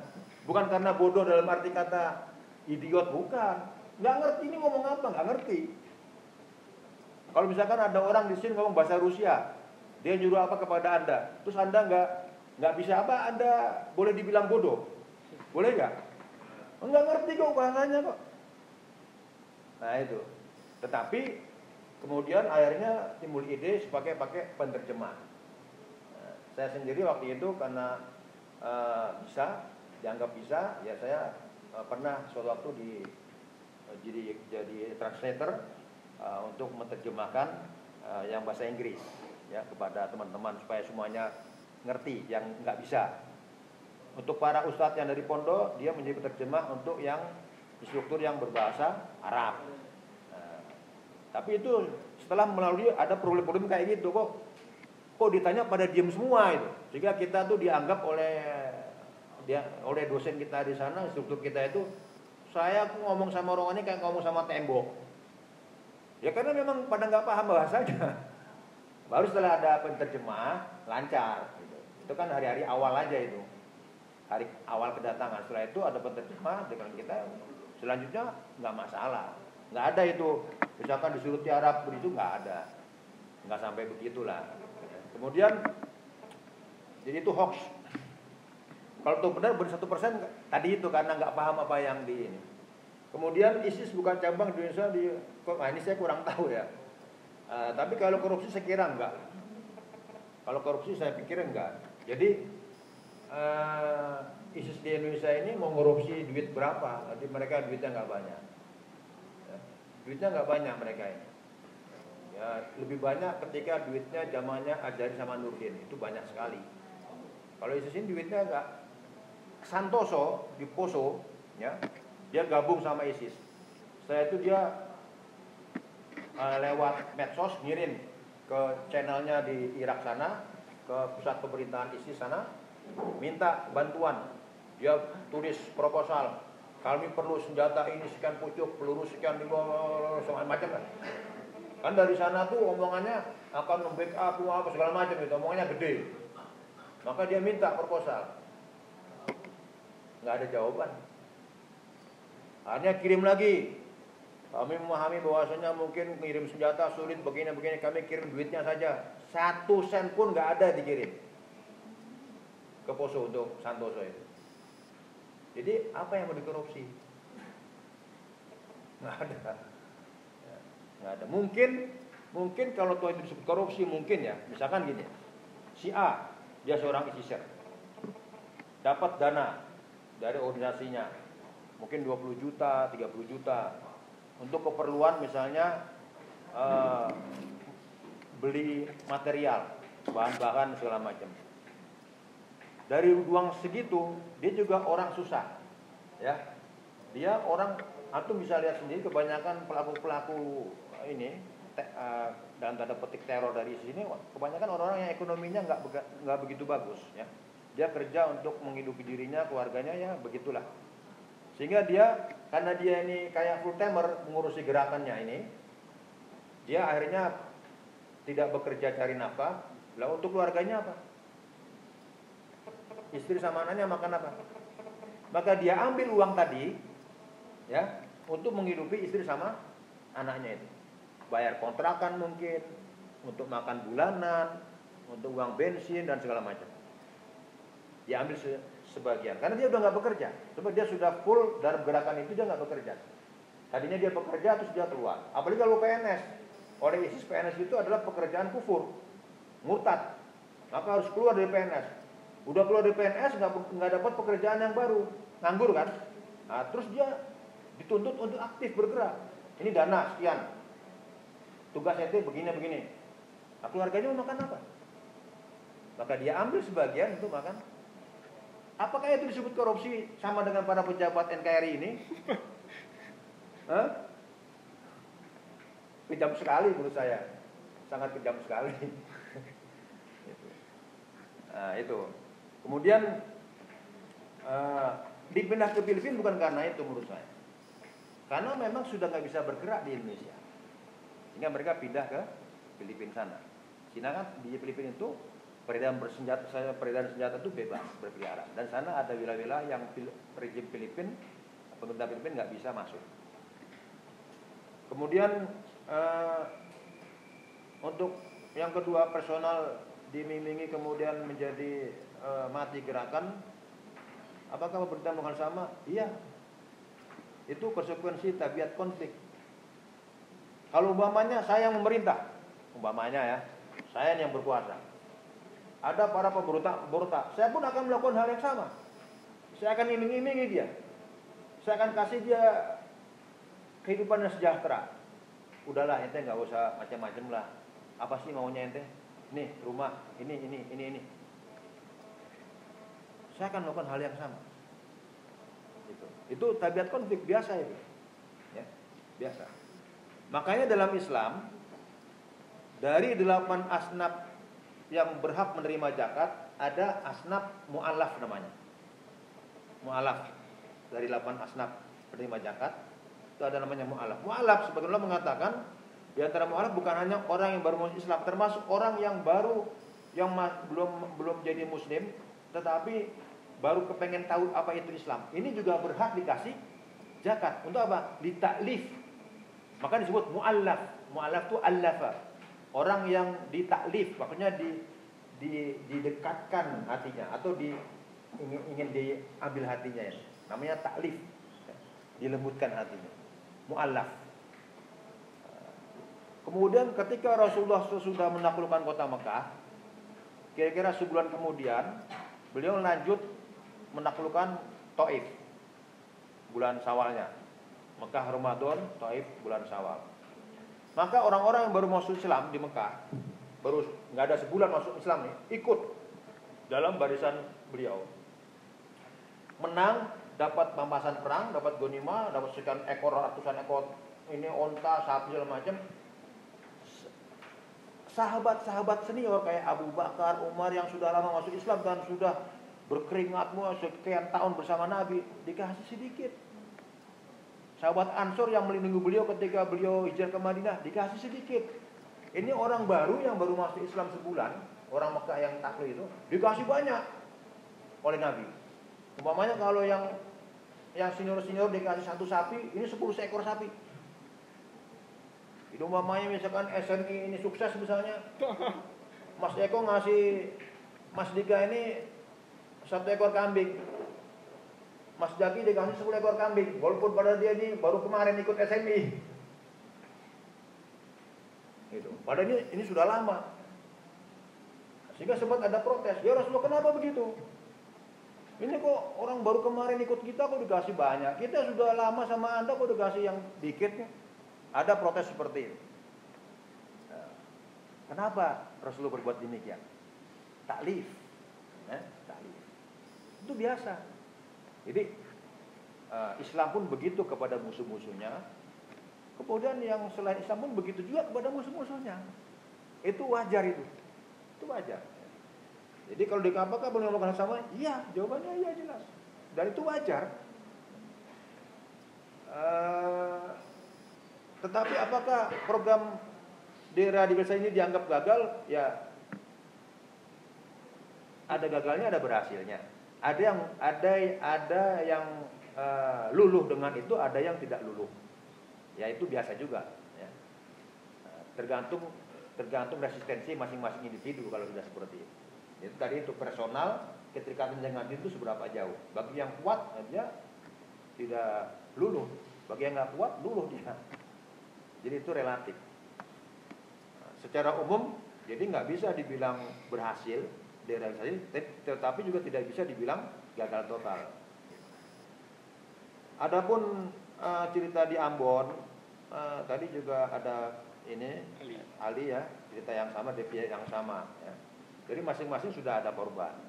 Bukan hanya uh, apa nama teman putri tadi itu aja keluarganya. Islam juga banyak yang orang tuanya dibunuh. Dia juga nggak bisa melupakan itu. Uh, itu faktor manusiawi, psikologi orang. Atau di Poso itu kenapa Santoso bergerak lagi sampai sekarang? Karena banyak sekali pelaku-pelaku yang eh, mereka tahu sendiri dia pelaku, tapi nggak disentuh hukum hingga hari ini. Sehingga mereka melakukan aksi kembali karena nggak puas dengan penanganan pemerintah. Ya, ah, cukup didamaikan Malino tanda tangan selesai. Bagaimana dengan itu Pak si A itu dulu membunuh orang tua saya, dulu bakar rumah saya. Kok dia sekarang bebas jalan-jalan. Nah, itu di antara yang memicu uh, Poso hingga sekarang tidak selesai urusannya. Itu. Saya kira di Ambon juga bagaikan api dalam sekam juga. Kalau ada yang ini sedikit, mungkin bisa juga anu lagi. Ya. Nah, tapi yang menjadi persoalan ini juga mungkin bisa beralih sedikit ke pertanyaan berikutnya tentang apa namanya, cuman uh, skalanya beda bahwa hal-hal seperti itu kemudian masuklah masuklah uh, eh, RMS kalau di Ambon. Ya. Di Poso sendiri awalnya bukan agama, awalnya soal perebutan jabatan politik bupati. Ya. Itu, itu awalnya. Itu yang saya bilang tadi kunci konflik, kunci konflik tadi itu. Ya. Jadi uh, itu yang membuka konflik massa. Jadi uh, Herman Satiro nggak terima. Uh, dia sudah meninggal dalam konflik itu. Dialah yang pertama-tama mengadakan masa untuk melakukan kerusuhan di Poso. Kalau kita bicara kronologis ya, yang mengawali adalah pihak sana. Itu. Di Ambon juga demikian kan, ketika orang sedang sholat Idul Fitri. Itu. Itu kunci konflik. Di Suriah yang sekarang disebut uh, apa namanya efek daripada Arab Spring. Ya, di, di Tunisia awalnya tapi Tunisia malah redup. Ya orang bakar diri di sana tapi dia mati kan dimatikan oleh sesama muslim juga partai Nahdlatul uh, namanya uh, Rosid Gunusi itu. Dia sendiri yang meredam. Ya. kemudian hidupnya di sekarang di Suriah dan di Yaman. Di Mesir sendiri ya percikan-percikan di Sinai. Artinya semua itu awalnya sebenarnya bukan agama. Di Suriah itu karena kedoliman rezim Assad ada beberapa pelajar mahasiswa protes atas ketidakadilan pemerintah yang nggak becus protesnya dalam bentuk tulisan grafiti di tembok-tembok kemudian ditangkap oleh tentara digebukin bahkan ada yang meninggal tanpa pengadilan diprotes oleh masyarakat malah dihadapi dengan represif oleh pihak rezim. Akhirnya provinsi semuanya bangkit demo demo demo demo seluruh negeri demo demo demo, dihadapi dengan represif. Nah kemudian di situ masuk mujahidin bantu kemudian cari senjata. Akhirnya tembakan dari rezim dibalas dengan tembakan juga. Di antara para pendemo ini ada yang pegang senjata. Akhirnya semuanya pegang senjata. Hingga hari ini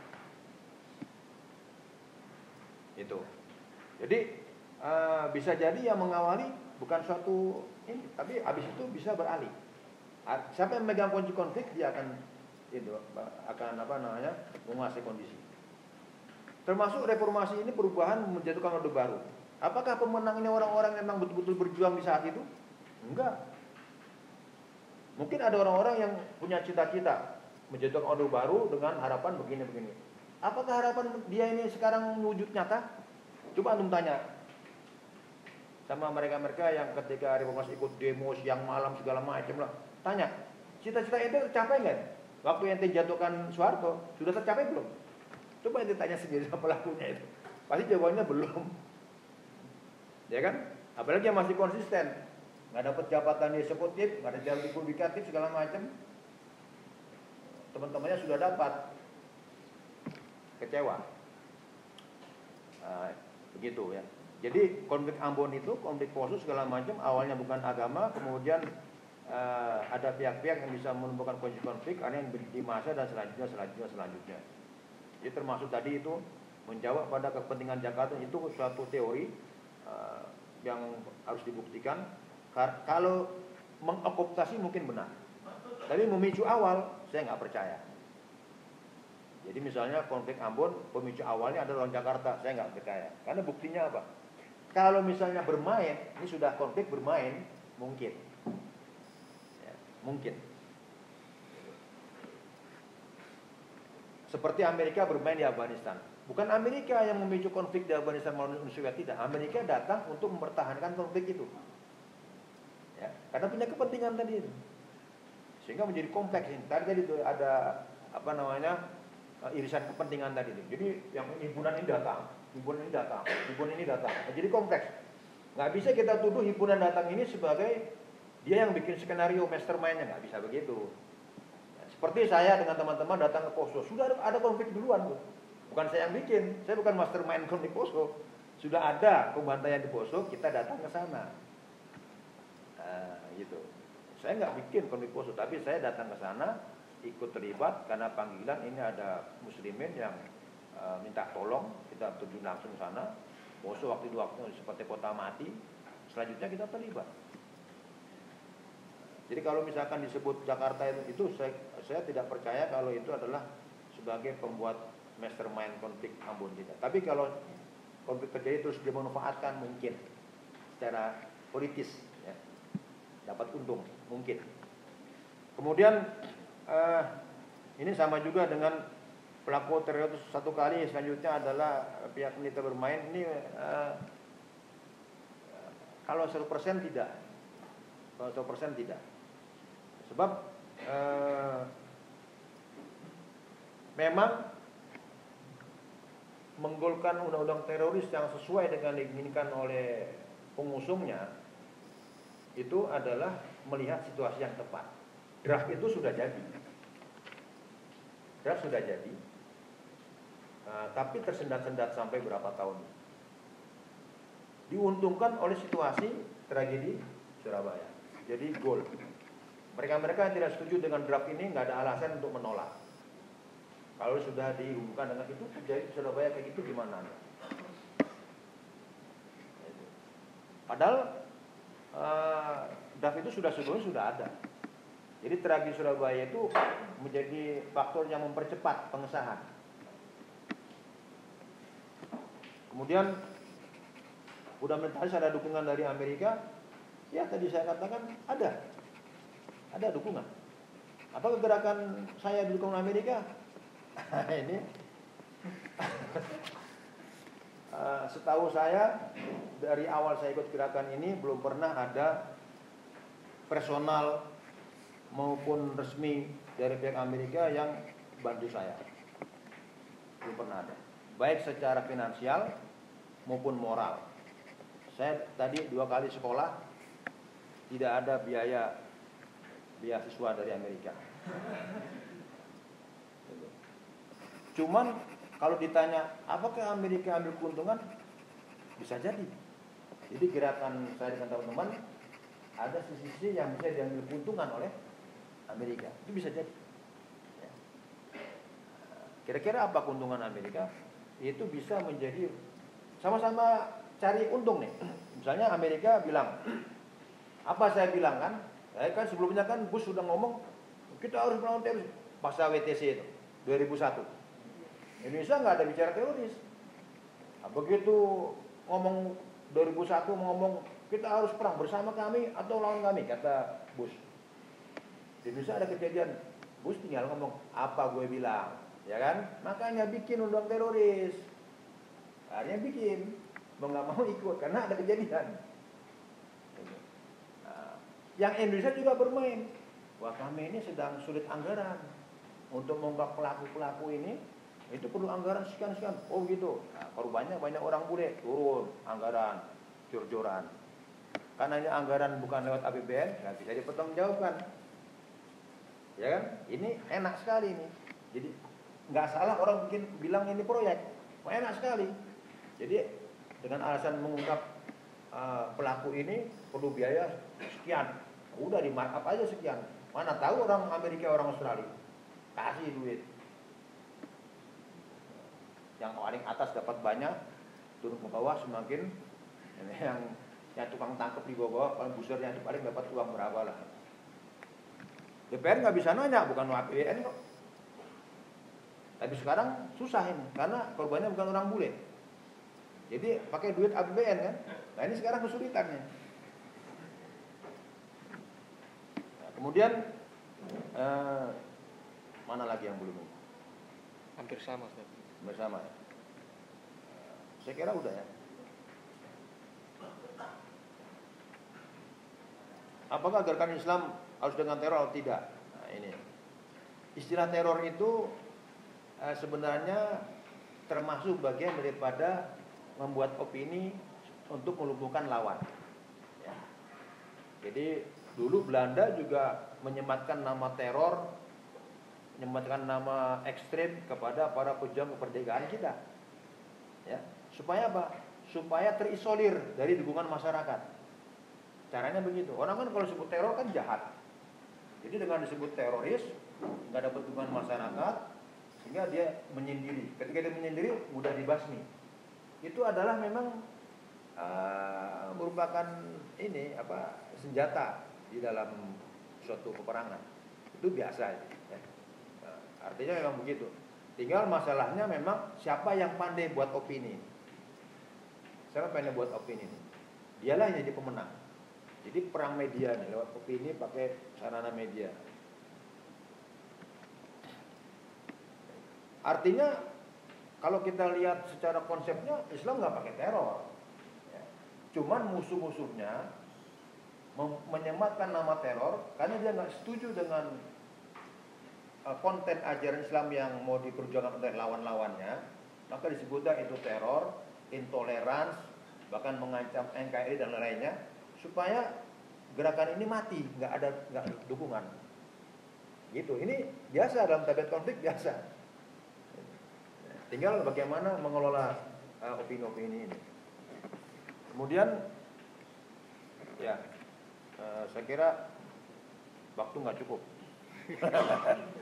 karena apa nih eh, sangat banyak sekali nih pertanyaannya jawabannya ini bisa panjang lebar Mas. Saya mohon maaf. Mungkin sementara itu barangkali yang bisa saya jawab saya kembalikan kepada moderator. Eh, Terima kasih. Jazakumullah khairan. Assalamualaikum warahmatullahi wabarakatuh.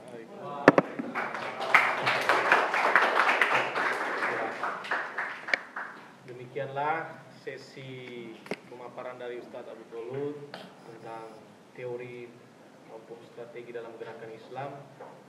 Karena berhubung waktu kita sudah dikode oleh panitia, bila mana teman-teman punya pertanyaan yang masih penting untuk disampaikan, mungkin sekiranya selesai forum ini bisa ditanyakan secara pribadi barangkali Ustaz. Bisa mau berangkat. Tapi Ustadz Abu Tolut sebentar lagi mau ngisi pengajian juga. Tidak banyak dari saya, saya pikir apa yang sudah dipaparkan tentang gerakan Islam, pengalaman Ustadz Abu Tolut di Afgan dan lain sebagainya macam dan konotasi terhadap gerakan Islam yang disematkan oleh negara ya, terorisme. Saya pikir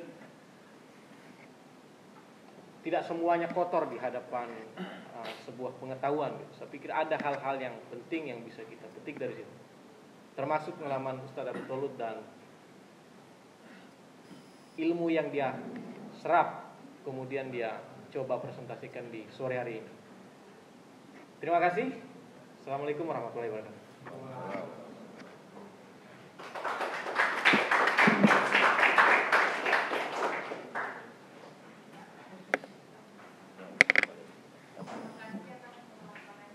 Iya sama-sama. kita langsung aja ya karena belum waktu kita banget banget sedikit lagi dan masih ada satu lagi materi dari Mas Eko. Eh, enggak, mau menyampaikan pemaparan dari Mas Eko sekaligus penutup kita sore hari ini. Eh, pemaparan ini akan di dipandu oleh Om Joko Mungjoto. Mas Ami. Oh ya, pada Om Joko dan Mas Eko.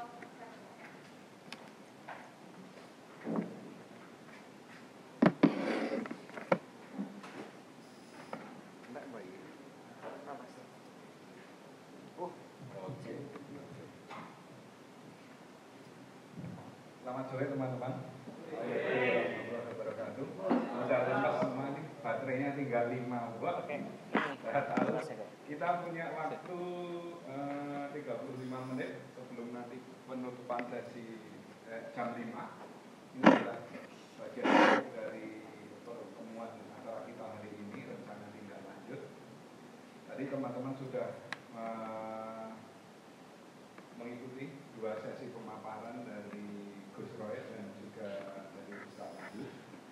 Dua kutub yang eh, diametral.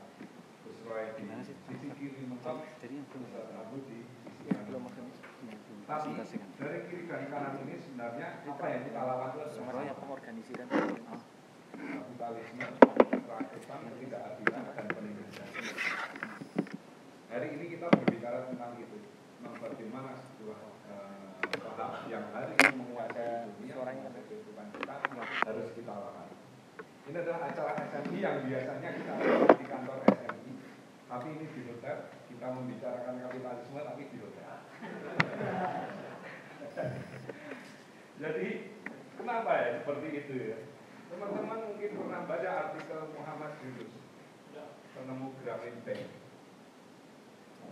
Muhammad Yunus adalah orang yang percaya kepada eh, sosialisme, tujuan akhirnya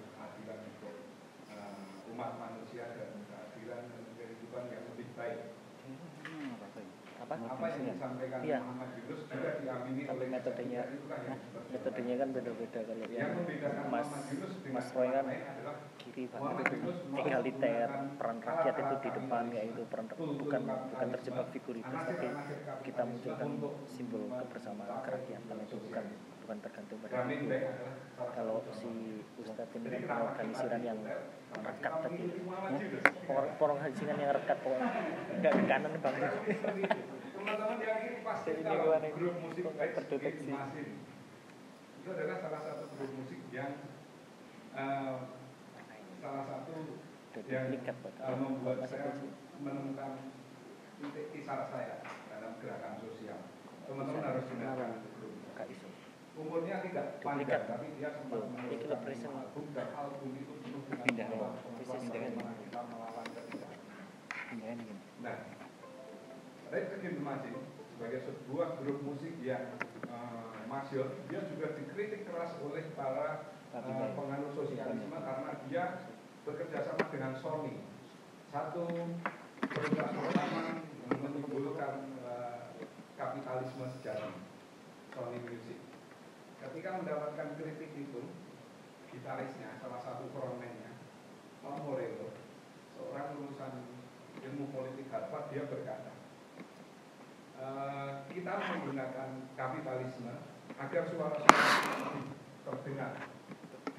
Kapitalisme mempunyai alat-alat yang tidak dimiliki oleh sosialisme.